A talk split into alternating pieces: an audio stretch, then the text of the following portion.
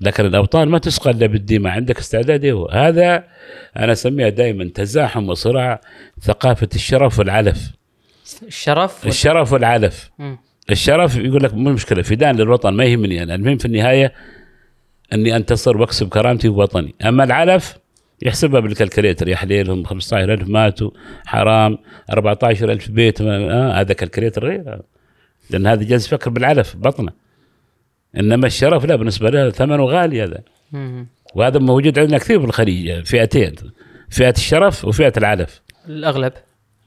الأغلب للأسف شديد العلف. واجد منهم. أنا أقول لهم إذا أنت اليوم شوف خذلت غزة والله وكان أشوفها بالعلم والج- ستخذل بلدك بكرة. والله وطنك ما راح تقف معه لأنه ما عندك معيار للشرف. اللي عنده معيار للشرف اللي يرضى لنفسه يرضى للآخرين. واللي ما يرضى لنفسه ما يرضى للاخرين هنا تحس أن هذا الإنسان سوي. فهمتني؟ أما إذا تعتبر لي والله الوطن فندق ما عجبني أغير غيره هذيك حاجة ثانية. برأيك أنت؟ مم. هنا الفرق يا محمد ما بين الوطني والمواطن. المواطن إنسان بداخل وطن والوطني إنسان بداخله وطن. لما تقول هذه مبالغة وهذا كذا لا أقول لك أنت شوف آه، آه، ماكنامارا وزير الدفاع ال- الأمريكي في 77 في روما يتكلم باسم الناتو. قال يجب أن نشجع الفقر والمرض والمجاعات في العالم. للوصول إلى هذه النتيجة يجب أن نشجع هذه الثلاثة. أنت تشوف العالم هذا كيف؟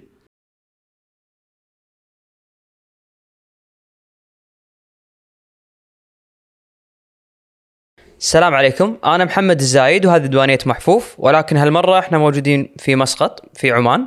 بداية نحب نشكر منصة مجاز على إتاحة هالمكان لنا بجميع موارده بجميع أشيائه ومكنونا بأن إحنا نصور ونستضيف الضيوف على راحتنا نشكر أيضا منصة جلسة كرك أيضا على مساعدتهم لنا آه، في انتقائنا للضيوف وتسهيل جميع الأمور اللي خلتنا قادرين بأن نستضيف هذه الشخصيات بكل أريحية. اليوم كان معنا الأستاذ علي المعشني كاتب وباحث في الشؤون السياسية، تكلمنا معه بشكل أساسي عن القضية الفلسطينية ولكن الجانب اللي يخص الدول المحيطة في ال- في دولة فلسطين. آه، الموقف التركي اللي شفناه بهالشكل، الموقف الفلسط... المصري اللي شفناه بهالشكل، آه، الموقف الأردني، حاولنا أن نشوف الأشياء اللي ما تنعرض على الشاشات والإعلام التقليدي ونحط هذه المواقف ونبحث مع الأستاذ علي سبب اتخاذ الدول لهذه المواقف. أتمنى تستمتعون بهذه الحلقة. أنا ودي بصراحة أسألك عن شغلة أنت قلت لي بالتليفون أه كلمة من من قلت لي إياها أعتقد قبل أسبوع وهي للحين ثابتة في في مخي اللي هي قلت لي إسرائيل مشروع وهذه للحين ثابتة في مخي ودي أعرف إيش أيوة. تقصد بكلمة مشروع. مشروع للصهيونية العالمية اسرائيل تعطيني إياها من البداية بإسرائيل مشروع للصهيونية العالمية. يعني الناس بعضهم يخففونها ويقول لك بعد الحرب الأوروبية الثانية أنا أسميها الأوروبية وهي يسموهم يسموها عالمية هي مو عالمية هي أوروبية. عشان يشيلوا بصمة العار يوزعونها على العالم. جيب لي دولة خارج أوروبا شاركت في هذه الحرب. بتقول لي الجزائر السنغال مستعمرات هذه ما كانت دول. هاي مستعمرات حاربوا فيها. زين فهم يقول لك على أساس إنه يتخلصوا من اليهود سووا لهم هذا الكلام مش صحيح. أصلا لو تشوف هرتزل وكذا كان قبل الحربين بسنين. موجود كمشروع. مشكلتنا إحنا في فهم اولا يعني الفرق ما بين الصهيونية واليهودية. فهمتني كيف؟ وأشياعهم. أنا عجبني أحد من الاخوان الفلسطيني متواصل معاه عنده دراسات عميقة في الصهيونية. فاستغربت لما قال لي ما أدري منه وما أدري منه. قلت له هذول كلهم قال هذول كلهم إحنا عايشين معاهم ونعرفهم. كشخصيات يعني؟ لا يعرفون الطوائف اليهودية. زين الحراديم غير المجنة هذا ما أدري إيش كارتا ناطوري كارتا غير. آه، عندك شو اسمه مش القرائين قريب كذا من القرائين عندهم عندك التوراتيين عندك الحاخامات عندك كذا. خمس ست فصائل ما تلتقي. خمس ست مدارس داخل إسرائيل الآن ما تلتقي مع بعض. شنو هي؟ مدارس فكرية عسكرية؟ مدارس فكرية دينية يا ريت مدارس فكرية. الفكرية على الأقل ممكن أنا أتفاهم معك لكن هذا الاعتقاد هذا يقول حلال هذا يقول حرام. كيف تلتقي؟ إلى هالدرجة يعني فيها فصل فهمت؟ فبالتالي أنت لما تيجي تشوف هذه التركيبة بعدين 80 جنسية. 80 ثقافة 80 لغة. كيف تقول لي مجتمع يتكون من هذا ويعيش ويعمل أنت الآن الآن اللي يوحدهم هو الوفرة. لكن إذا جات الندرة بيتناحروا وفرت شنو؟ وفرت؟ وفرة المال. يعني دولة مثل الكيان الصهيوني كم؟ أقل من 27 ألف كيلومتر مربع. لكن كم دخلها؟ 525 مليار. يعني كم دولة عربي دخلها السنوي وهم كانوا يحلمون بالتطبيع إنه يتوسعوا نحو أسواق الخليج وكذا وكذا إلى آخره. تعرف كم؟ يبغون يوصلون تريليون. لأنه ما يمكن تراهن إنه على خمسة مليون أو ستة مليون تقول لي بسوي. ما معقول ما, ما ممكن توصل هذه الثروة أصلا. لذلك أوروبا ما أوروبا وكذا لكن سوق الخليج هو أكثر استهلاك يعني. في لما تمتد على الاسواق المجاورة عندك قوة شرائية وعندك كثرة شرائية. أنت تراهن يا على هذه يا على هذه. الثنتين موجودات الآن طوفان الأقصى يعني عمل عصف ذهني لكل حتى النظم السياسية. إيش تقصد؟ يعني عمل لهم مراجعات خطيرة جدا. الآن المزاج العام لم يعد يتقبل التطبيع مثل ما كان. الآن الشعوب لم الشعوب لم تعد تسلم رقابها لما يسمى ولي الأمر كما كان في السابق. فهمتني؟ بس ليه قبل يوم من طوفان الأقصى هذا كان واقع يعني, يعني كانت يمكن يمشونها إنه ولي الأمر يعرف أكثر مني ويدري مصلحتي ويدري بكذا كانت مسألة أبوية كثير. كشعارات. الآن الأمور تغيرت والناس انتبهوا إلى أشياء كثيرة وأن هذا مخطط كبير وانه إسرائيل ليست جغرافيا. إسرائيل عبارة عن مشروع متحرك يبغي مصر ويبغي أنت شوف مثلا ولا دولة عربية تمكنت من قوة. ابدا لم تمكن دولة عربية من قوة. لا قوة عسكرية ولا قوة اقتصادية ولا آه يعني حتى السعودية اللي كان عنده اكتفاء من القمح شلوه. شلوه بطريقة ذكية إن هذا يكلفكم مش لك؟ هذا يكلفك خمسة دولار الكيلو أنا أجيب لك إياه جاهز بدولار ونص. اشتغلوا مع هذا. أيوه صحيح. بس هذا من غذائي. اللي بيكلفك 20 دولار. أنت تصرف فيه. تذكر كانت شو اسمه هذا المزارع اللي في نجد رائعة جدا. فهمت؟ فدمرت. أنت طالما تدمر هذه الأشياء اللي هي مكتسبة العراق دمر صار يستورد حتى البيض من برا. بعد ما كان يعني كيف دولة على نهرين وتفتقر و... ما تركب. بسبب هذا المشروع؟ بسبب هذه المشروعات وتدمير العراق جفف يعني منابع الدولة اللي كانت قائمه هذيك الأيام. قائمه مو من أيام صدام انتبه. قائمه بالتراكم من 100 سنة. الدولة العراقية 1920 قامت. زين من هذيك تتراكم. زين وكلنا اضاف له شيء. لحد ما جات في فترة ال 79 فترة صدام دمر كل شيء.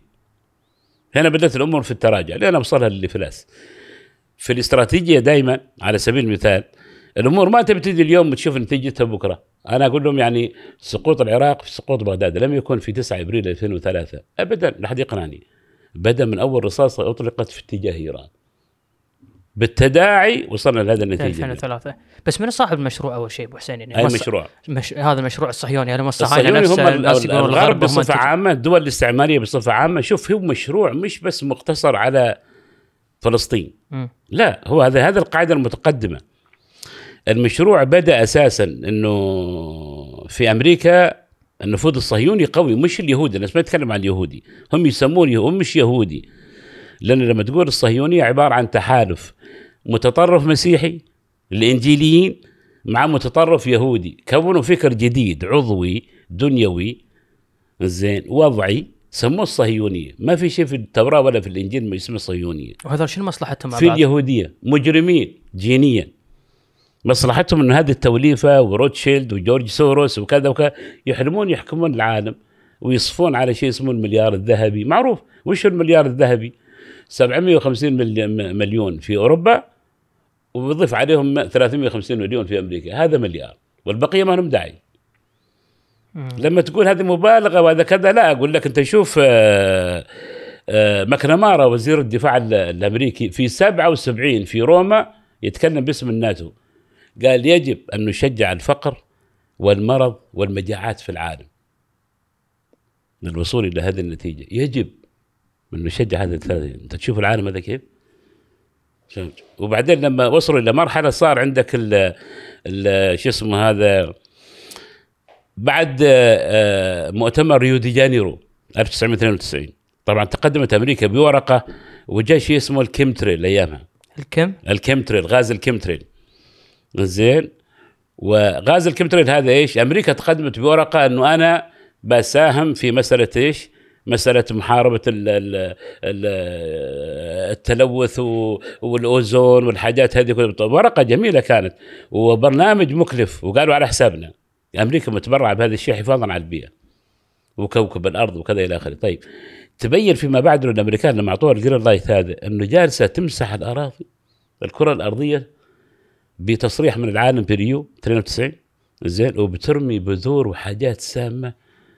زين وب... وبتجمع السحب وتكثفها بطريقة بتعمل فيضان هنا وتعمل جفاف هنا وتحجب سحب. الناس ما انتبهوا. وبعدين هم من الذكاء إنه يجربوا لك هذه.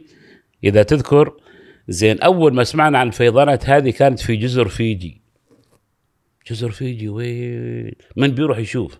وجات أخبار إنه فيضانات في جزر فيجي بس غير مألوفة انتبه غير مألوفة. وجات أيضا أمطار حمضية في الكاميرون.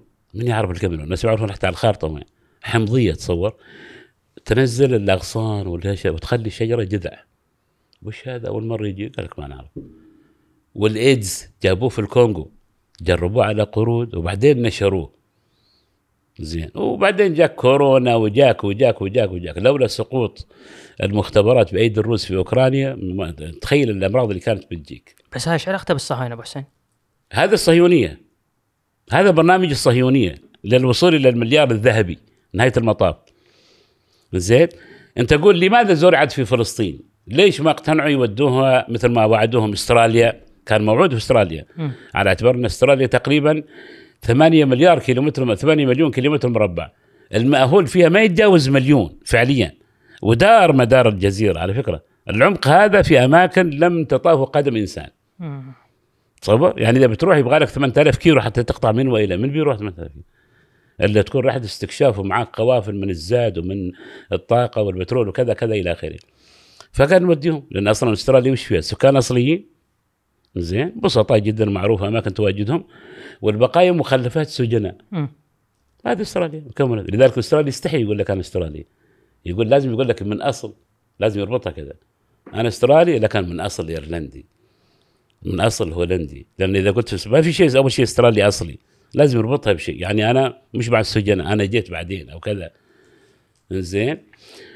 واستراليا أيضا هذه العملية عملت لهم حاجة غريبة عجيبة اللي هي لا يوجد من الدول اللي ما فيها هوية. الهوية الوحيدة للسكان الأصليين هم عارفين أصلهم لكن ذيلا كلهم مش هوية الاستراليين يقول لك ما نعرف. وش تعريف الوطني في استراليا يقول لك والله ما نعرف. طوائف وأقوام وثقافات سميها نفس المطب طايحين فيه إسرائيل ما في هوية. عرف لي عرف لي الوطنيه ال- الإسرائيلية ما حد يعرفها. ما في تعريف. يعني انت لما تقول الكويتي على سبيل المثال زين تقول أنا كويتي عربي مسلم كذا هذا هويتك. صح. إيه، تاريخك واضح مصيرك واضح. لكن هذا يقول أنا إيش؟ حتى إذا قال يهودي مش مش يهود كل إسرائيل. فيها عرب فيها نصارى فيها فيها. للعلم في يهودية موجودة في يهود وفي من تهود في إسرائيل. شلون؟ يعني ناس ادعوا إنهم يهود وهم مش يهود. فقبلوا على أنهم يهود عشان يلجؤون؟ صبا وكذا ها عشان يلجؤون لإسرائيل؟ لمصالح لمصالحهم من أكثرهم الروس اللي جو بعد سنة 90 بعد تفكك الاتحاد السوفيتي جو مليون تعرف أكثرهم مش مش يهود مم. تهودوا لكن عندهم العقيدة على أساس إنه يهود وكذا وكذا إلى آخره زين هذا كيف تعرفهم؟ لا يدفنون في مقابر اليهود ها آه الجثمان يروح عند ناس متدينين يقول لك هذا لا يدفن هنا. ليه هذا نصراني أرثوذكس. ما يدفن يدرون. أي طبعا. زين. وهذا هذا عربي ودوه مال مقابر ال- العرب والمسلمين. هنا المقبرة هي اللي تفصل. بس أنت من ساعه قلت لي ليش أنت كنت تجاوب سؤال ليش فلسطين؟ ليش اختاروا فلسطين؟ إيه ليش اختاروا فلسطين؟ زين. كان المعروض آه، عليهم أوغندا جنة الله على الأرض أوغندا. زين. معروض عليهم أستراليا معروض عليهم حتى أوكرانيا على فكرة في ناس حاخامات الآن يتكلموا إنه أرض الميعاد السماوية أوكرانيا مش فلسطين الله من وين جبتوا هذه؟ يقول لك هي كذا أرض الميعاد السماوية هذه الأرضية يريد يقولوا لأن حصروا أنفسهم متورطين في 27 ألف كيلو. وهذول عبارة عن تجزئة هنا 2% مع الفلسطينيين اسمه غزة وهنا تقريبا 18% اسمها الضفة والقدس زين وش بقى لنا؟ عملية كذا ملتوية وما ما لها معنى. إذا الصافي عندنا يمكن يوصل 21 ألف نهاية المطاف. وكل يوم حصاه وكل يوم طعن وكل يوم رشاش وكل يوم دهس وش بنعيش هذا؟ تمام؟ قال لك يا أخي ليش ما تروح لك أوكرانيا؟ فيهم يهود وأكثر قياداتكم من أوكرانيا. دولة مساحتها 600 ألف كيلومتر مربع ودولة من ضمن العشرة الاوائل في كل شيء يخطر لك على بال من ثروات طبيعية وزراعية وغذائية. نعم. ولا حد حولك هناك. لذلك من ضمن الأشياء بعد ما انفجرت الأزمة الأوكرانية زين قال لك يمكن يجي يوم بعدين يوافقوا على نقل إسرائيل إلى هناك. فاهمني؟ بس تكون دولة منزوعه السلاح شرط روسيا. دولة منزوعه السلاح. ليه؟ لأن الروس اتخذوا طريقة تكتيك استراتيجية عجيبة بالنسبة لروسيا لحربهم في أوكرانيا. الروس بعبقريتهم يعرفون مكانة أوكرانيا بالنسبة لهم. لأن هي منبع الأرثوذكسية مم. هي منبع الأرثوذكسية ومنبع أيضا لا عفوا المنبع يمكن في في في, في الشرق سوريا الكبرى زين لكن هي منبع ال- القيصرية والسلاف في أوكرانيا الحالية الجغرافية الحالية فهم يعتبروها إن هي أساسا هي المنبع الحقيقي للإمبراطورية القيصرية الروسية. زين ونسبة كبيرة جدا سلاف وروس مختلطين من أيام الاتحاد السوفيتي وقبل الاتحاد السوفيتي. لذلك وش اللي عملوه؟ قال لك شوفوا هذا إحنا استدرجنا إلى أوكرانيا وفيها ناس خونة وفيها ناس كذا. استراتيجيتنا إنه نحارب النظام ولا نحارب الدولة. نظام النظام فقط. إحنا مشكلتنا مع النظام. الدولة لا. شوفوا هذه فرضية عجيبة غريبة. إنك أنت لما تعادي دولة ما بصفة عامة تحدد هل مشكلتك مع الدولة مع ولا مع النظام؟ يعني هل العقل الجمعي ضدك؟ ولا بس مجرد هذه العائلة ولا هذا الحكام هم اللي ضدي؟ يعني الآن على سبيل المثال أنا أشوف الإخوان في سوريا يتكلموا خطاب جميل تجاه تركيا والشعب التركي الشقيق. تقول سو يقول لك لا لا هذا حزب العدالة. إحنا مشكلتنا مع حزب العدالة مع أردوغان شخصيا. زين لا مع تركيا التاريخ ولا مع تركيا المستقبل. لذلك ما يمكن نخلص شعبان في رمضان. فهم؟ فخلطتهم كلها جاية كذا. الشعب ال- التركي لا زال شقيق وإلى بكرة.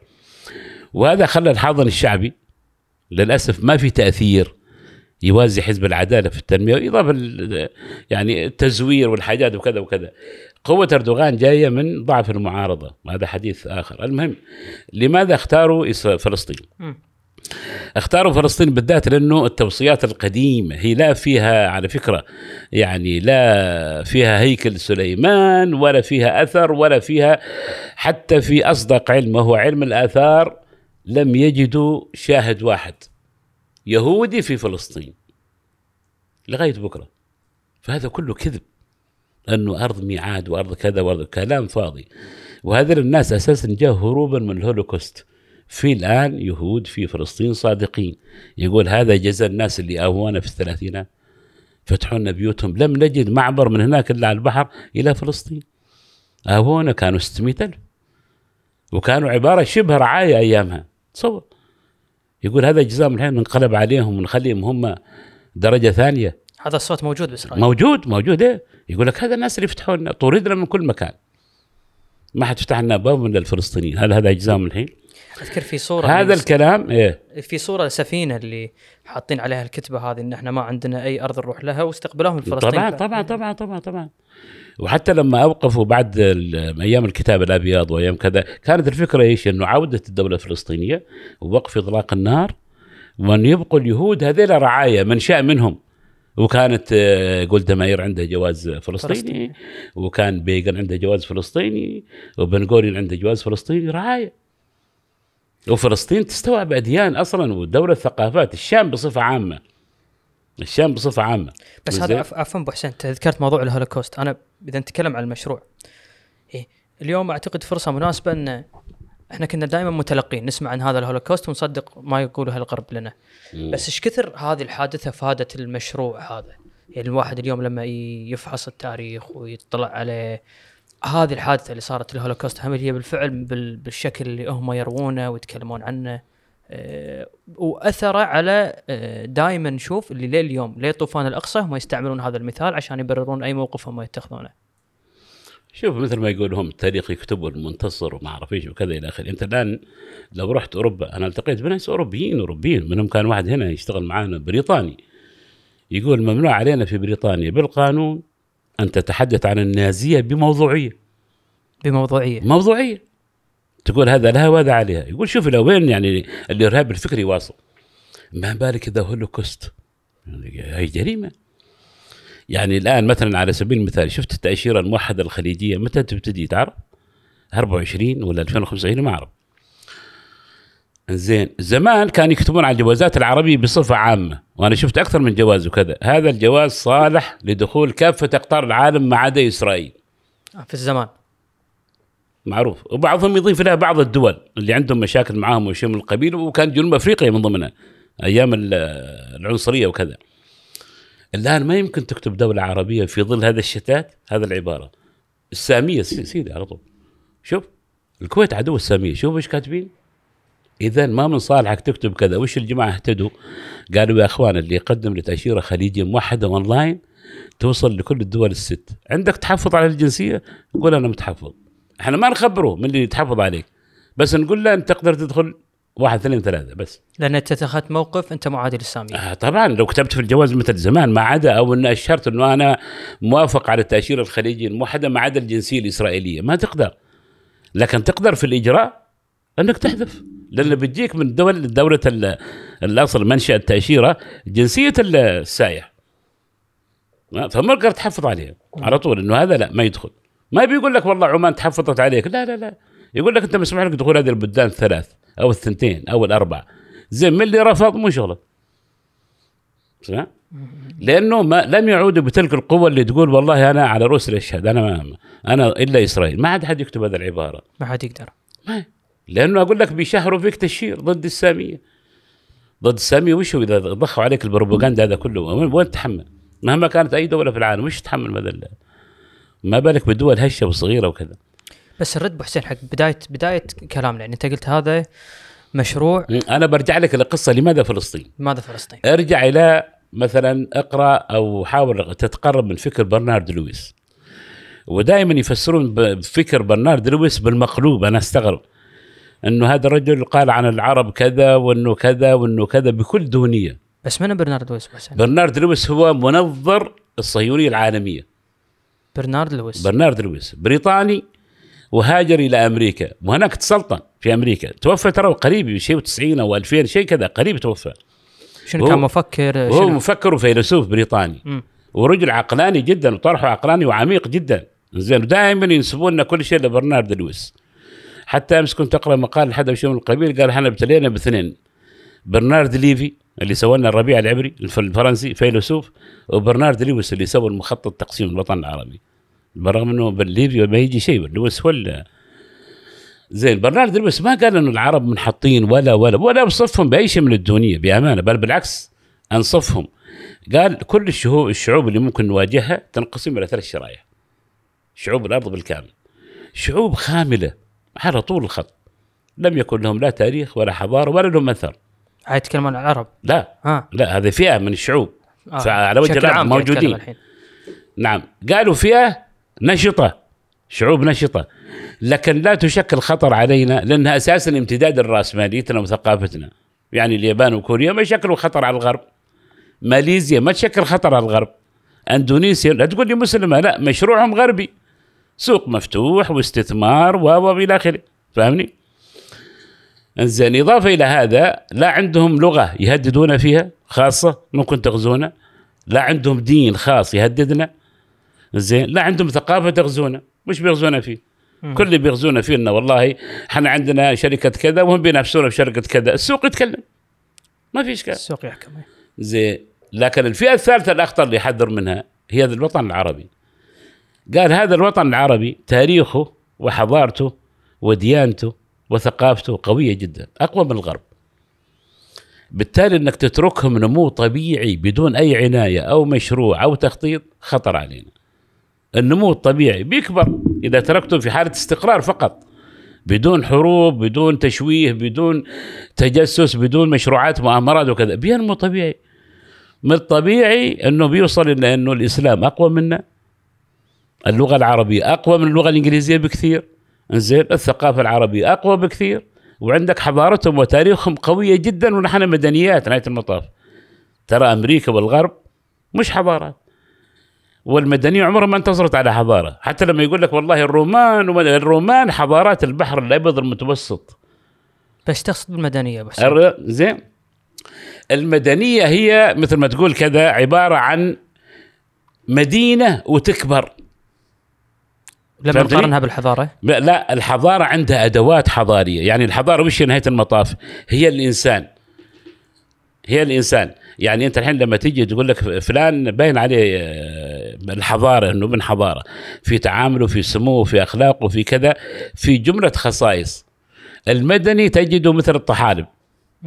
الريح اللي يجي يحركه يمين ويسار. إضافة إلى هذا أنا أقول لهم دائما أسأل بعض الإخوان. أقول لهم ركز معي وإحنا لما كنا صغار يا محمد يسألونا يقول لنا المدرسين يا ابني فهم السؤال نص الإجابة. نقول لهم كويس ركز معي تمام.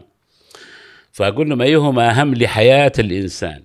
السكين أم الكمبيوتر؟ كمبيوتر. لحظه يا ابني لا حول ولا قوة. السؤال مرة ثانية. أيهما أهم لحياة الإنسان؟ السكين أم الكمبيوتر؟ إيش معنى؟ أقول له فكر فيها آخر شيء اكتشف السكين. أنا ممكن أعيش بدون كمبيوتر بس ما يمكن أعيش بدون سكين. زين فأقول لهم السكين لم يخترعه الغرب. زين أدوات الطهي لم يخترعها الغرب. أدوات الري لم يخترعها الغرب الزراعة لم تكن في الغرب. قانون حمورابي ليس غربي. زين والأسلحة والأدوات اللي يصطاد فيها الإنسان وكذا كلها حضارات شرقية. ومهبط كل الأديان في الشرق السماوية والوضعية. إذا ما تقول لي حضارة من وين جاتهم الحضارة؟ إذا كان هم إلى القرن الثاني عشر لا يستحمون بينما كانت اشبيليه فيها يعني أضواء الشوارع بالزيت بالشمع. الشحم 20 كيلو خارج إشبيلية. يلا عشان القوافل في الليل. وهم كانوا لا يستحمون لسببين. اولا ما عندهم سخانات وبلاد فيها صقيع وبرد. الأمر الثاني أغلبهم الكاثوليك والبروتستانت بعدين جات البروتستانتية. يعتقدوا إن الاستحمام عادة وثنية. إيش رأيك؟ مم. صح سمعت في هذه. زين عادة وثنية. من هنا جات بعدين العطور في فرنسا لأن صاروا جيف. فجات فكرة العطور. نعم. عشان يغطوا على هذا. فأنت لما تجي لتاريخهم وكذا. ما تستغرب. هم يقول لك متى يكتشفوا؟ أنت شوف الألمان.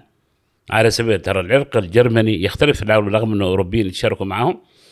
لكن أكثر من أنصف ال- الحضارة العربية الإسلامية. اقرأ كتاب مثلا آه، شمس العرب تسطع على الغرب. شوف الوقائع التاريخية. اقرأ محمد أسد هو ينسب إلى النمسا. لكن ايامها ما كان في نمسا والمانيا كان دولة واحدة جرمن كلها. رحلتي إلى مكة. زين. شوف عندك مراد هوفمان الألماني اللي أسلم بعدين. الإسلام كبديل. شوف الطرح العلمي. فانصفوا العرب جدا. والإسلام بالعقل مش بش اسمه. خلي أنت لما أقول لك علي عزت بقى وفيتش أصلا مسلم هو من رئيس البوسنة والهرزة. لكن شوف الطرح. لأنه هو ذو عقلين. هو مسلم لكن أوروبي انتبه. لكن جذوره مسلمه وهكذا. فالحضارة يملكها العرب وهذا خوفهم. الحضارة يملكوها العرب والفرس والصينيين والهنود هذه كلها مؤثرات حضارية وعندهم أدواتهم. يعني ابتكروا علوم يعني أنت الحين لما تقول علم الاجتماع وش يجي علم الاجتماع هذا كله؟ بدون حاضن اسمه آه ابن خلدون. وش تجي الفلسفة بدون ابن رشد؟ كل الفلسفة اللي الآن اللي تشوفها. ابن سينا ابن اذا هذول الناس ساهموا في الحضارة الإنسانية كسلسله ساهموا فيها. الغرب زين لم يبتكر شيء من العدم. في يعني شو اسمه ال- ال- الاختراع هو شيء من العدم. الابتكار هو تطوير الشيء. يعني انت الحين لما تقول لي والله هذا آه كمبيوتر أو شيء من القبيل وجيت أنا كبرته صغرته ما سويت شيء. فهمت كيف؟ أو إنك تقول والله سويت سيارة. طيب سيارة موجود من 1800 وحاجه ما سويت حاجة. غيرت لي لون وموديل وكذا وكذا إلى. المهم بالعربي الأدوات الحضارية لا يمكن للانسان أن يستغني عنها الأدوات الحضارية. بمعنى إنك تقول الانسان تعيش بدون سكين يقول لك لا تعيش بدون رمح بدون. أنا أرجعك البدائيه شوي. تعيش بدون نار لا. تعيش بدون أدوات طهي يقول لك لا. إنزين بدون آه، وسائل ري بدون يقول لك لا. لكن تعيش بدون سيارة إيوه عيش تعيش بدون كهرباء إيوه عيش تعيش بدون تليفون أيوه عيش شوف اذا كانت المفاضله حياة وموت. عيش هذه مجرد عناصر رفاهية. لكن لا تعني حياة وموت. لكن تشيل مني أدوات الطبخ بموت. فهمت؟ صح. تشيل مني سكين ولا كذا على الحياة ذيك البدائية. تعرف هذه الأدوات جعلت الإنسان كعنصر كمخلوق أرقى من كل الكائنات. مم. ويسيطر عليها ويدينها. صارت كلها تحت أمره. القوة. وأنا لما كنت أسأل بعض الإخوان والله بعض الأحيان أقول لهم ما وش هي أكبر نعمة للإنسان بعد العقل؟ بعد العقل النظر النظر. نهايه المطاف اليدين يا محمد. أعطيني عيون وإذن وكذا ويشيل اليدين خلاص اليدين أمشي فيهن وأقوم فيهن وأدافع عن نفسي وأرمي وشوف اليدين. حتى لو كنت نص جسم حتى لو كنت رجل واحدة هذا. لكن شيل اليدين لو كنت بكامل قواي وك... مح- محروم تفقد قدرتك إيه. فهذا هذا كنا- نقارن بين الحضارة والمدنية فهذه عنصر الحضارة موجود عنصر. الحضارة موجودة طبعا وتبان في السلوك وبتبان في الثقافة بتبان في آه، إذا رجعت وقارات وأنا دائما الناس اللي عندهم الخلط بين المدنية والحضارة زين يعني الحضارة فيها مدنيات. وتطورت وكذا لكن مش كل مدنية تصبح حضارة هم الآن لما يقول لك القارة العجوز برأيهم عادي القارة العجوز القارة العجوز. عشان يعطوها طابع القدم. والبعض يخلط يقول لك زين والله يا أستاذ علي الرومان والإغريق هذول مش أوروبيين انتبه. ولو أنهم في جغرافية أوروبا هذول يسمونهم حضارات البحر الأبيض المتوسط. هذه حضارة ثانية. ما لها علاقة بلو ما لهم علاقة. لا لا لا. إذا الشمال شوف إذا تقرأ إذا إذا ترجع لكتاب الإدريسي زين الإدريسي كان يصنف قومين تصنيف مش طبيعي. يقول أما بعد يتكلم عن الأندلس أما بعد جبال البرانس اللي يسموها جبال برينيه. وإذا تكلمت عن الأندلس ترى هي نص خارطه أيبيريا. يعني نص إسبانيا ونص البرتغال الحالية. هذه الأندلس كانت هنا ما كانت كلها فوق. فتجيك هناك جبال البرينيه. العرب يسمونها أصلا التسميه جبال البرانس. يقول أما بعد جبال البرانس فيسكن الإفرنج وما أدراك ما الإفرنج. قوم بدائيون همج. الفرنج هذا القرن الثاني عشر. الإدريسي. اللي هو مال الخرائط والتاريخ و... يا الله لهالدرجه نعم. قوم بدايون همج. أما ما بعد بلاد السند لما يتكلم عن هولاكو والشلة ذيل اللي هناك وكذا آسيا الوسطى التتار ما تتار نفس الشيء. قوم بدايون همج. سبحان الله مع الأيام القوم البدائيون هنا والبدائيون اكتسحونا ومسحونا باستعماراتهم وغزواتهم احتلالات من الغرب واحتلالات من التتار الفرق بين هذيلا وهذيلا أنه هذيلا التتار كانوا فطريين فطرتهم سليمة فأسلموا وأقاموا فيما بعد إيش؟ حضارة تاج محل ما تاج محل في الهند. فهمت؟ لكن هذيلا بقوا على بدائيتهم وإلى بكرة فاهمني؟ يعني انت أقول لك حاجة مرة حسين ولدي كان بيكلمني من أمريكا و archaeology فبيقول لي بابا إيش السر إنه العنصرية الأمريكية متجددة من, دي من جيل إلى جيل وكأنها مزية؟ من جيل إلى جيل. إلى درجة إنه تشوف بروفيسور راقي مهندم كذا يشوف واحد أسود يقول له negro. negro العبد القذر مركبة. يعني ما طهرك العلم هذا اللي له سبحان الله. ابن الحضارة لا يعني ما يهتم بهذه السفاسف. على فكرة كل طور يخلق معاه جيل جيل آخر. لكن أبناء المدنية وبما أنه أمريكا أساسا مركبة من المهمشين في أوروبا فجات كل العقليات هذه المنحطة فيها. أمريكا لم تتشكل لا من نخب زين ولا من نبلاء ولا من إقطاع ولا برجوازيين ولا فلاسفة ولا مفكرين. المهمشين في أوروبا هم اللي راحوا هم اللي راحوا هناك وكونوا هذه الثقافة الرعوية البدائية. وكل عهد يدورون على ضحية. ابتداء من ال Irish الإيرلنديين لأنهم كانوا تجار ذهب وكانوا الاكثر الصفوة. قال لك هم العنصرية فيهم. وبعدين جاءت على العبيد الزنوج زين. وبعدين جاءت على اللاتين وجاءت على العرب والمسلمين وهي إسلام فوبيا جاءت من هناك ما جاءت من عندنا. صح. فهمت؟ فهذا التسلسل موجود. وبعدين العزلة العزلة العقلية الأمريكية عقلية سكان جزر. سكان الجزر حتى إنجلترا على فكرة والجزر البريطاني بصفة عامة متخلفين عقليا. عندهم تخلف عقلي جدا. نظرتهم للإنسان دائما إنه جاي يهاجمني. يخافون. دائما. ابن الجزيرة شوف تشكيل البيئة وتأثيرها تختلف. يعني ابن البحر على الساحل تركيبته غير ابن الريف تركيبته غير ابن البادية تركيبته غير. أبناء الجزر تركيبة ثالثة تر- تركيبة رابعة. بس إحنا نرد ابو حسين حق موضوع إن هذا الموضوع كان يعني أنت كنا نتكلم على أنواع الشعوب فأنت وصلت للعرب وقلت لانهم يملكون الحضارة يملكون إيه اللغة. هو هو برنارد لويس اللي خوف من العرب الفئة الثالثة والأخيرة. تعتقد كان معه حق؟ طبعا طبعا وعنده حق من, من معياره ونظرته طبعا يقول مجرد أنه نتركهم بس بلا حروب بلا قلاقل بلا مؤامرات على طول نندثر نحن كغرب. لأن مؤثراتهم أقوى أدواتهم الحضارية أقوى لغة ودينا زين وثقافة. وبعدين عندك زاد التاريخ. على سبيل المثال انت الحين وش اللي يخليك على سبيل كل واحد فينا عنده زاد تاريخه الشخصي زين وهذا أصلا حتى اللي يردع ما يسمى مثل ما تقول بالأعراف القبلية، الأعراف القبلية ليست سوء ليست شر مطلق. أنت قبل ما تقدم على سوء لا سمح الله تتذكر أنت ولد من؟ كان بيوصل هذا الأذى إلى أهلي، إلى عزوتي، إلى أسرتي، إلى قبيلتي والعكس صحيح أن هذا مفخرجي وقبيلتي وكذا وكذا إلى آخره. هذا شو ممكن يهدد إيه؟ الغرب طبعا هذه الأشياء أقول لك هم تف... هم بالنسبة لهم ما عندهم هذا الرادع فاهمني؟ وبالتالي لما تيجي عندك أنت ويقول لك إن هذول الناس خطر علينا أنت شوف مثلا على سبيل المثال دائما يقيض الله الأسباب وكأنها جند الله جند خفية زين أوروبا 2050 راح يصبح المسلمين أكثرية.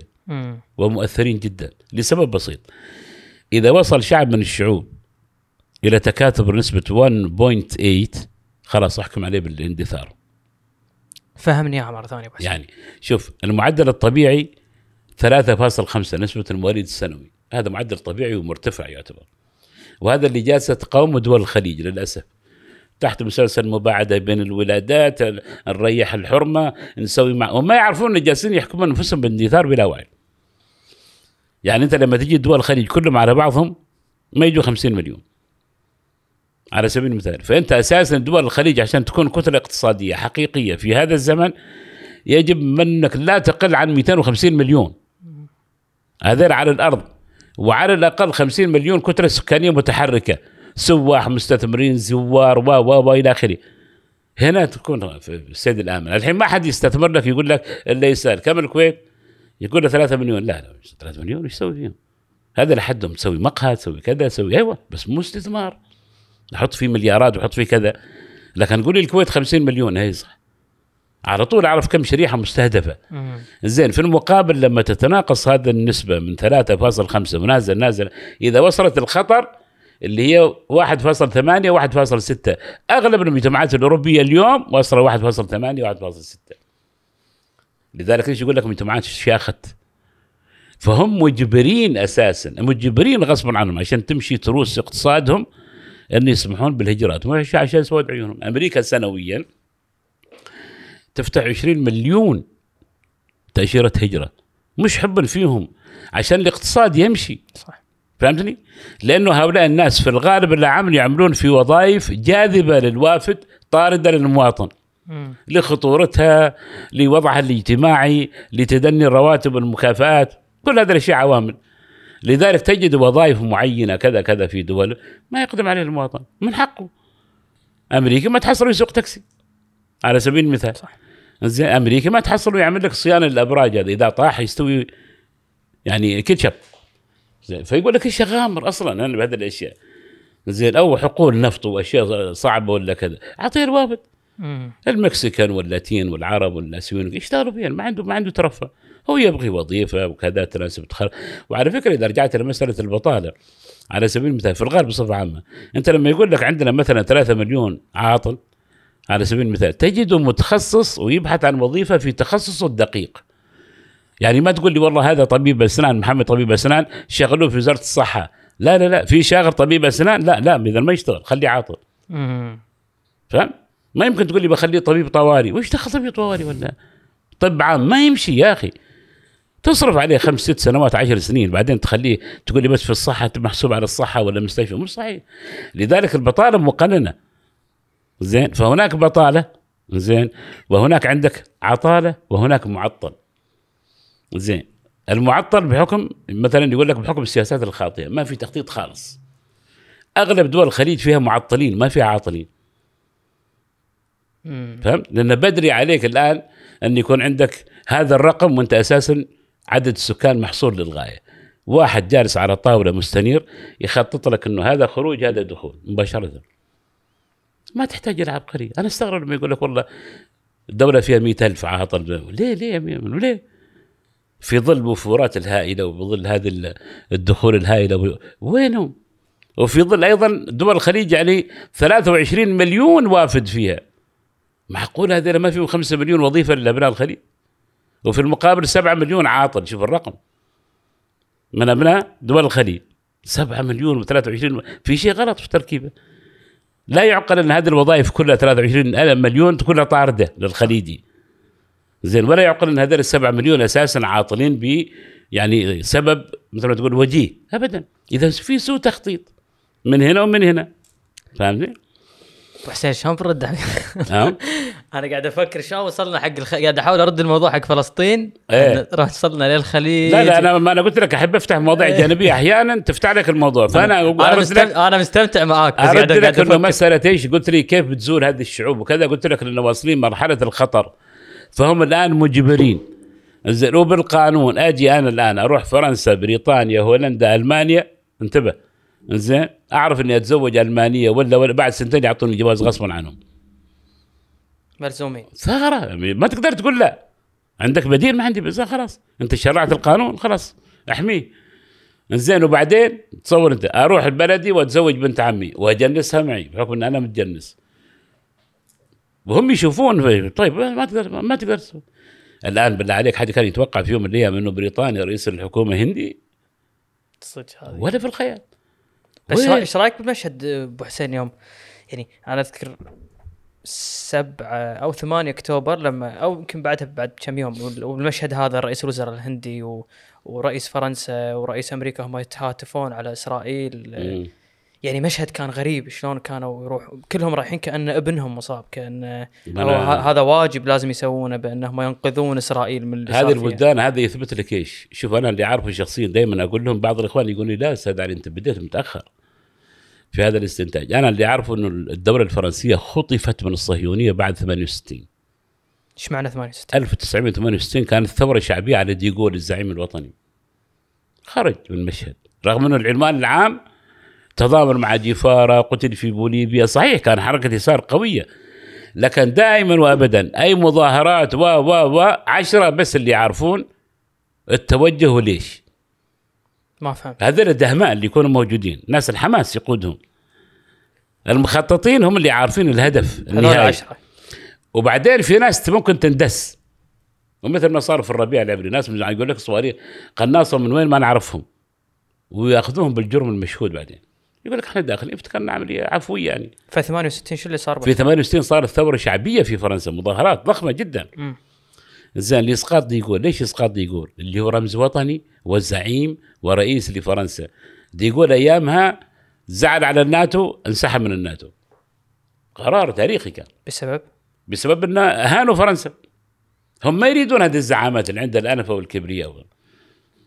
فهمت؟ فوش اللي سووا فيه؟ بعد كم شهر جاوا لاطفوه ودخل لكن ما نسوا لي ديغول هو اللي أسس مفاعل ديمونه في إسرائيل. ولكن في مرحلة ما شليده وهذا أيضا سبب آخر. فهمت وديغول يعتبر من رموز الوطنية بالنسبة للفرنسيين هو رجل خلط ما بين العسكري المتمرس والسياسي المتمرس. ثنتين بعطيك يعني بس موقف كذا يشهد لك إنه الرجل هذا كان رجل وطني وزعامة من من نوع خاص. والزعيم يختلف عن القائد ويختلف عن الرئيس ويختلف. فهمني القادة ثلاثة. قائد إداري متمرس هذا يدير لك الممكنات اللي عنده وفق القانون. رجل دولة هو اللي يمزج لك ما بين العرف والقانون. يعني جاني محمد ولد ناس اعرف أهله وكذا ولا طبعا لك ما اشتغل القانون يقول بعد سنة وكذا. خلاص أنا لأنه أهله بيزعلون علي أنا ما أريد ازعلهم هذا رجل الدولة يوافق بين هذا وبين هذا. بعدين يجيك الزعيم. الزعيم هو اللي عنده مشروع ويقول لهم اتبعوني. وشوف المشروع اللي وين وصل. يعني عبد الناصر كان زعيم معمر القذافي كان عنده طرح زعامة. ماو تسي تونغ في الصين نفس الشيء. كيم إيل سونغ في كوريا الشمالية وقس عليها. هذول الناس قادوا وعملوا تحولات. ستالين في الاتحاد السوفيتي. ديغول كان من هذا النوع. وكان متميز. وهو اللي خلى فرنسا لغايه بكرة. هي العاصمة السياسية لأوروبا. على فكرة. العاصمة السياسية لأوروبا هي فرنسا. العاصمة الاقتصادية برلين ألمانيا. العاصمة الروحية روما. متفقين على إذا ما اجتمع هذول الثلاث ما في رأي أوروبي موحد. لازم توافق يقول في ثلاثة. زين فأقول لك الرجل هذا كان يوم من الأيام بيفتتح مقر للبلدية في ضاحيه من ضواحي باريس. زين وأثناء ما هم منتظرين بداية الحفل وكذا جاء له قائد الحرس قال له سيد الرئيس في خطأ كذا بس راح نتلافاه بعدين بعد الحفل وكذا. فقال له إيش؟ قال بيت الشعر اللي مكتوب على ال- المبنى نسينا نكتب اسم الشاعر تحته وكذا. قالوا من قال لك تكتب اسم الشاعر؟ بس أنا لا لا تنسى المايك أبو حسين. أنا اللي قلت لهم إيه. إنه لا تكتبون اسم الشاعر لأنه الفرنسي الذي لا يعلم إنه هذا البيت لفيكتور هوغو لا يستحق أن يكون فرنسيا. فقلت إذا كان زعامه بتغرس الوطنية بهذه الأشياء اللي نعتبرها صغيرة. ويعتبر إنه فيكتور هوغو هو زعامة أدبية وفكرية تفتخر فيه فرنسا عبر التاريخ. فما بالك الحين؟ اللي يقول لك بعضهم للأسف الشديد. يعتبروا ناس قدوات وناس يقول لك وش سويتوا باللغة العربية؟ سويتوا لنا condition يعني لهالدرجه عندك اللغة condition اللغة عندك سيارة اللغة الهوية اللغوية. شوف الانتقاص من. أنا لما رحت فرنسا 84 لعلمك زين تتكلم فرنسي تتكلم غير فرنسي في أي مؤسسة؟ سجن ستة شهور. غلظه بصوره غير طبيعية. فإنجليز ما حد حولك أصلا حتى بالمؤسسات الرسمية. اللهم إذا جيت في قطار في مترو يمكن حد يعطف عليك. تقول له وين رايح ولا كذا ولا كذا يقول لك بس. فتشوف كانت القدسية إلى وين. زين. بعد انهيار ال- ال- الديغولية يسمونها الجمهورية الأولى إحنا الحين في الجمهورية الخامسة على فكرة. جاءوا عد تبعات. إلى حد ما بومبيدو كان لا باس وبدات تنقرض الدولة الوطنية. آخرها كان ميتيران. يمكن شوية جاك شيراك. وبعدين مسكهم كل اللي جاوا كلهم صهاينة. وعلى راسهم ساركوزي. وجاك ختمها ماكرون صهاينة 100% شلون تصهينوا؟ غصبا عنه. ما توصل للسلطة الا تصير صهيوني. كأنه تعميد في كنيسة. هذا برنامج الصهيونيه معاه؟ يا خلاص. من اللي يوصله أصلا هو للسلطة؟ اللوبيات الصهيونية. ونافذة على فكرة. أنا استغربت أنت وين توصل فيك إنه قيام الثورة الفرنسية؟ قيام الثورة الفرنسية اللي يصدعونا فيها. يجيك وزير العدل قبل شهر يقول من يتحدث عن غزة ايجابا بتغريدة سجن خمس سنين. يا جماعة هذه فرنسا؟ إيه؟ وش اللي حاصل؟ يخبرني أحد الإخوان المقيم في فرنسا يقول تصدق ولا أستاذ علي هذا وزير العدل كان أبرز محامي في فرنسا. كيف انقلب؟ قلت لهم تصهين قال فعلا تصهين اذا بغيت سوي كذا. قول كذا.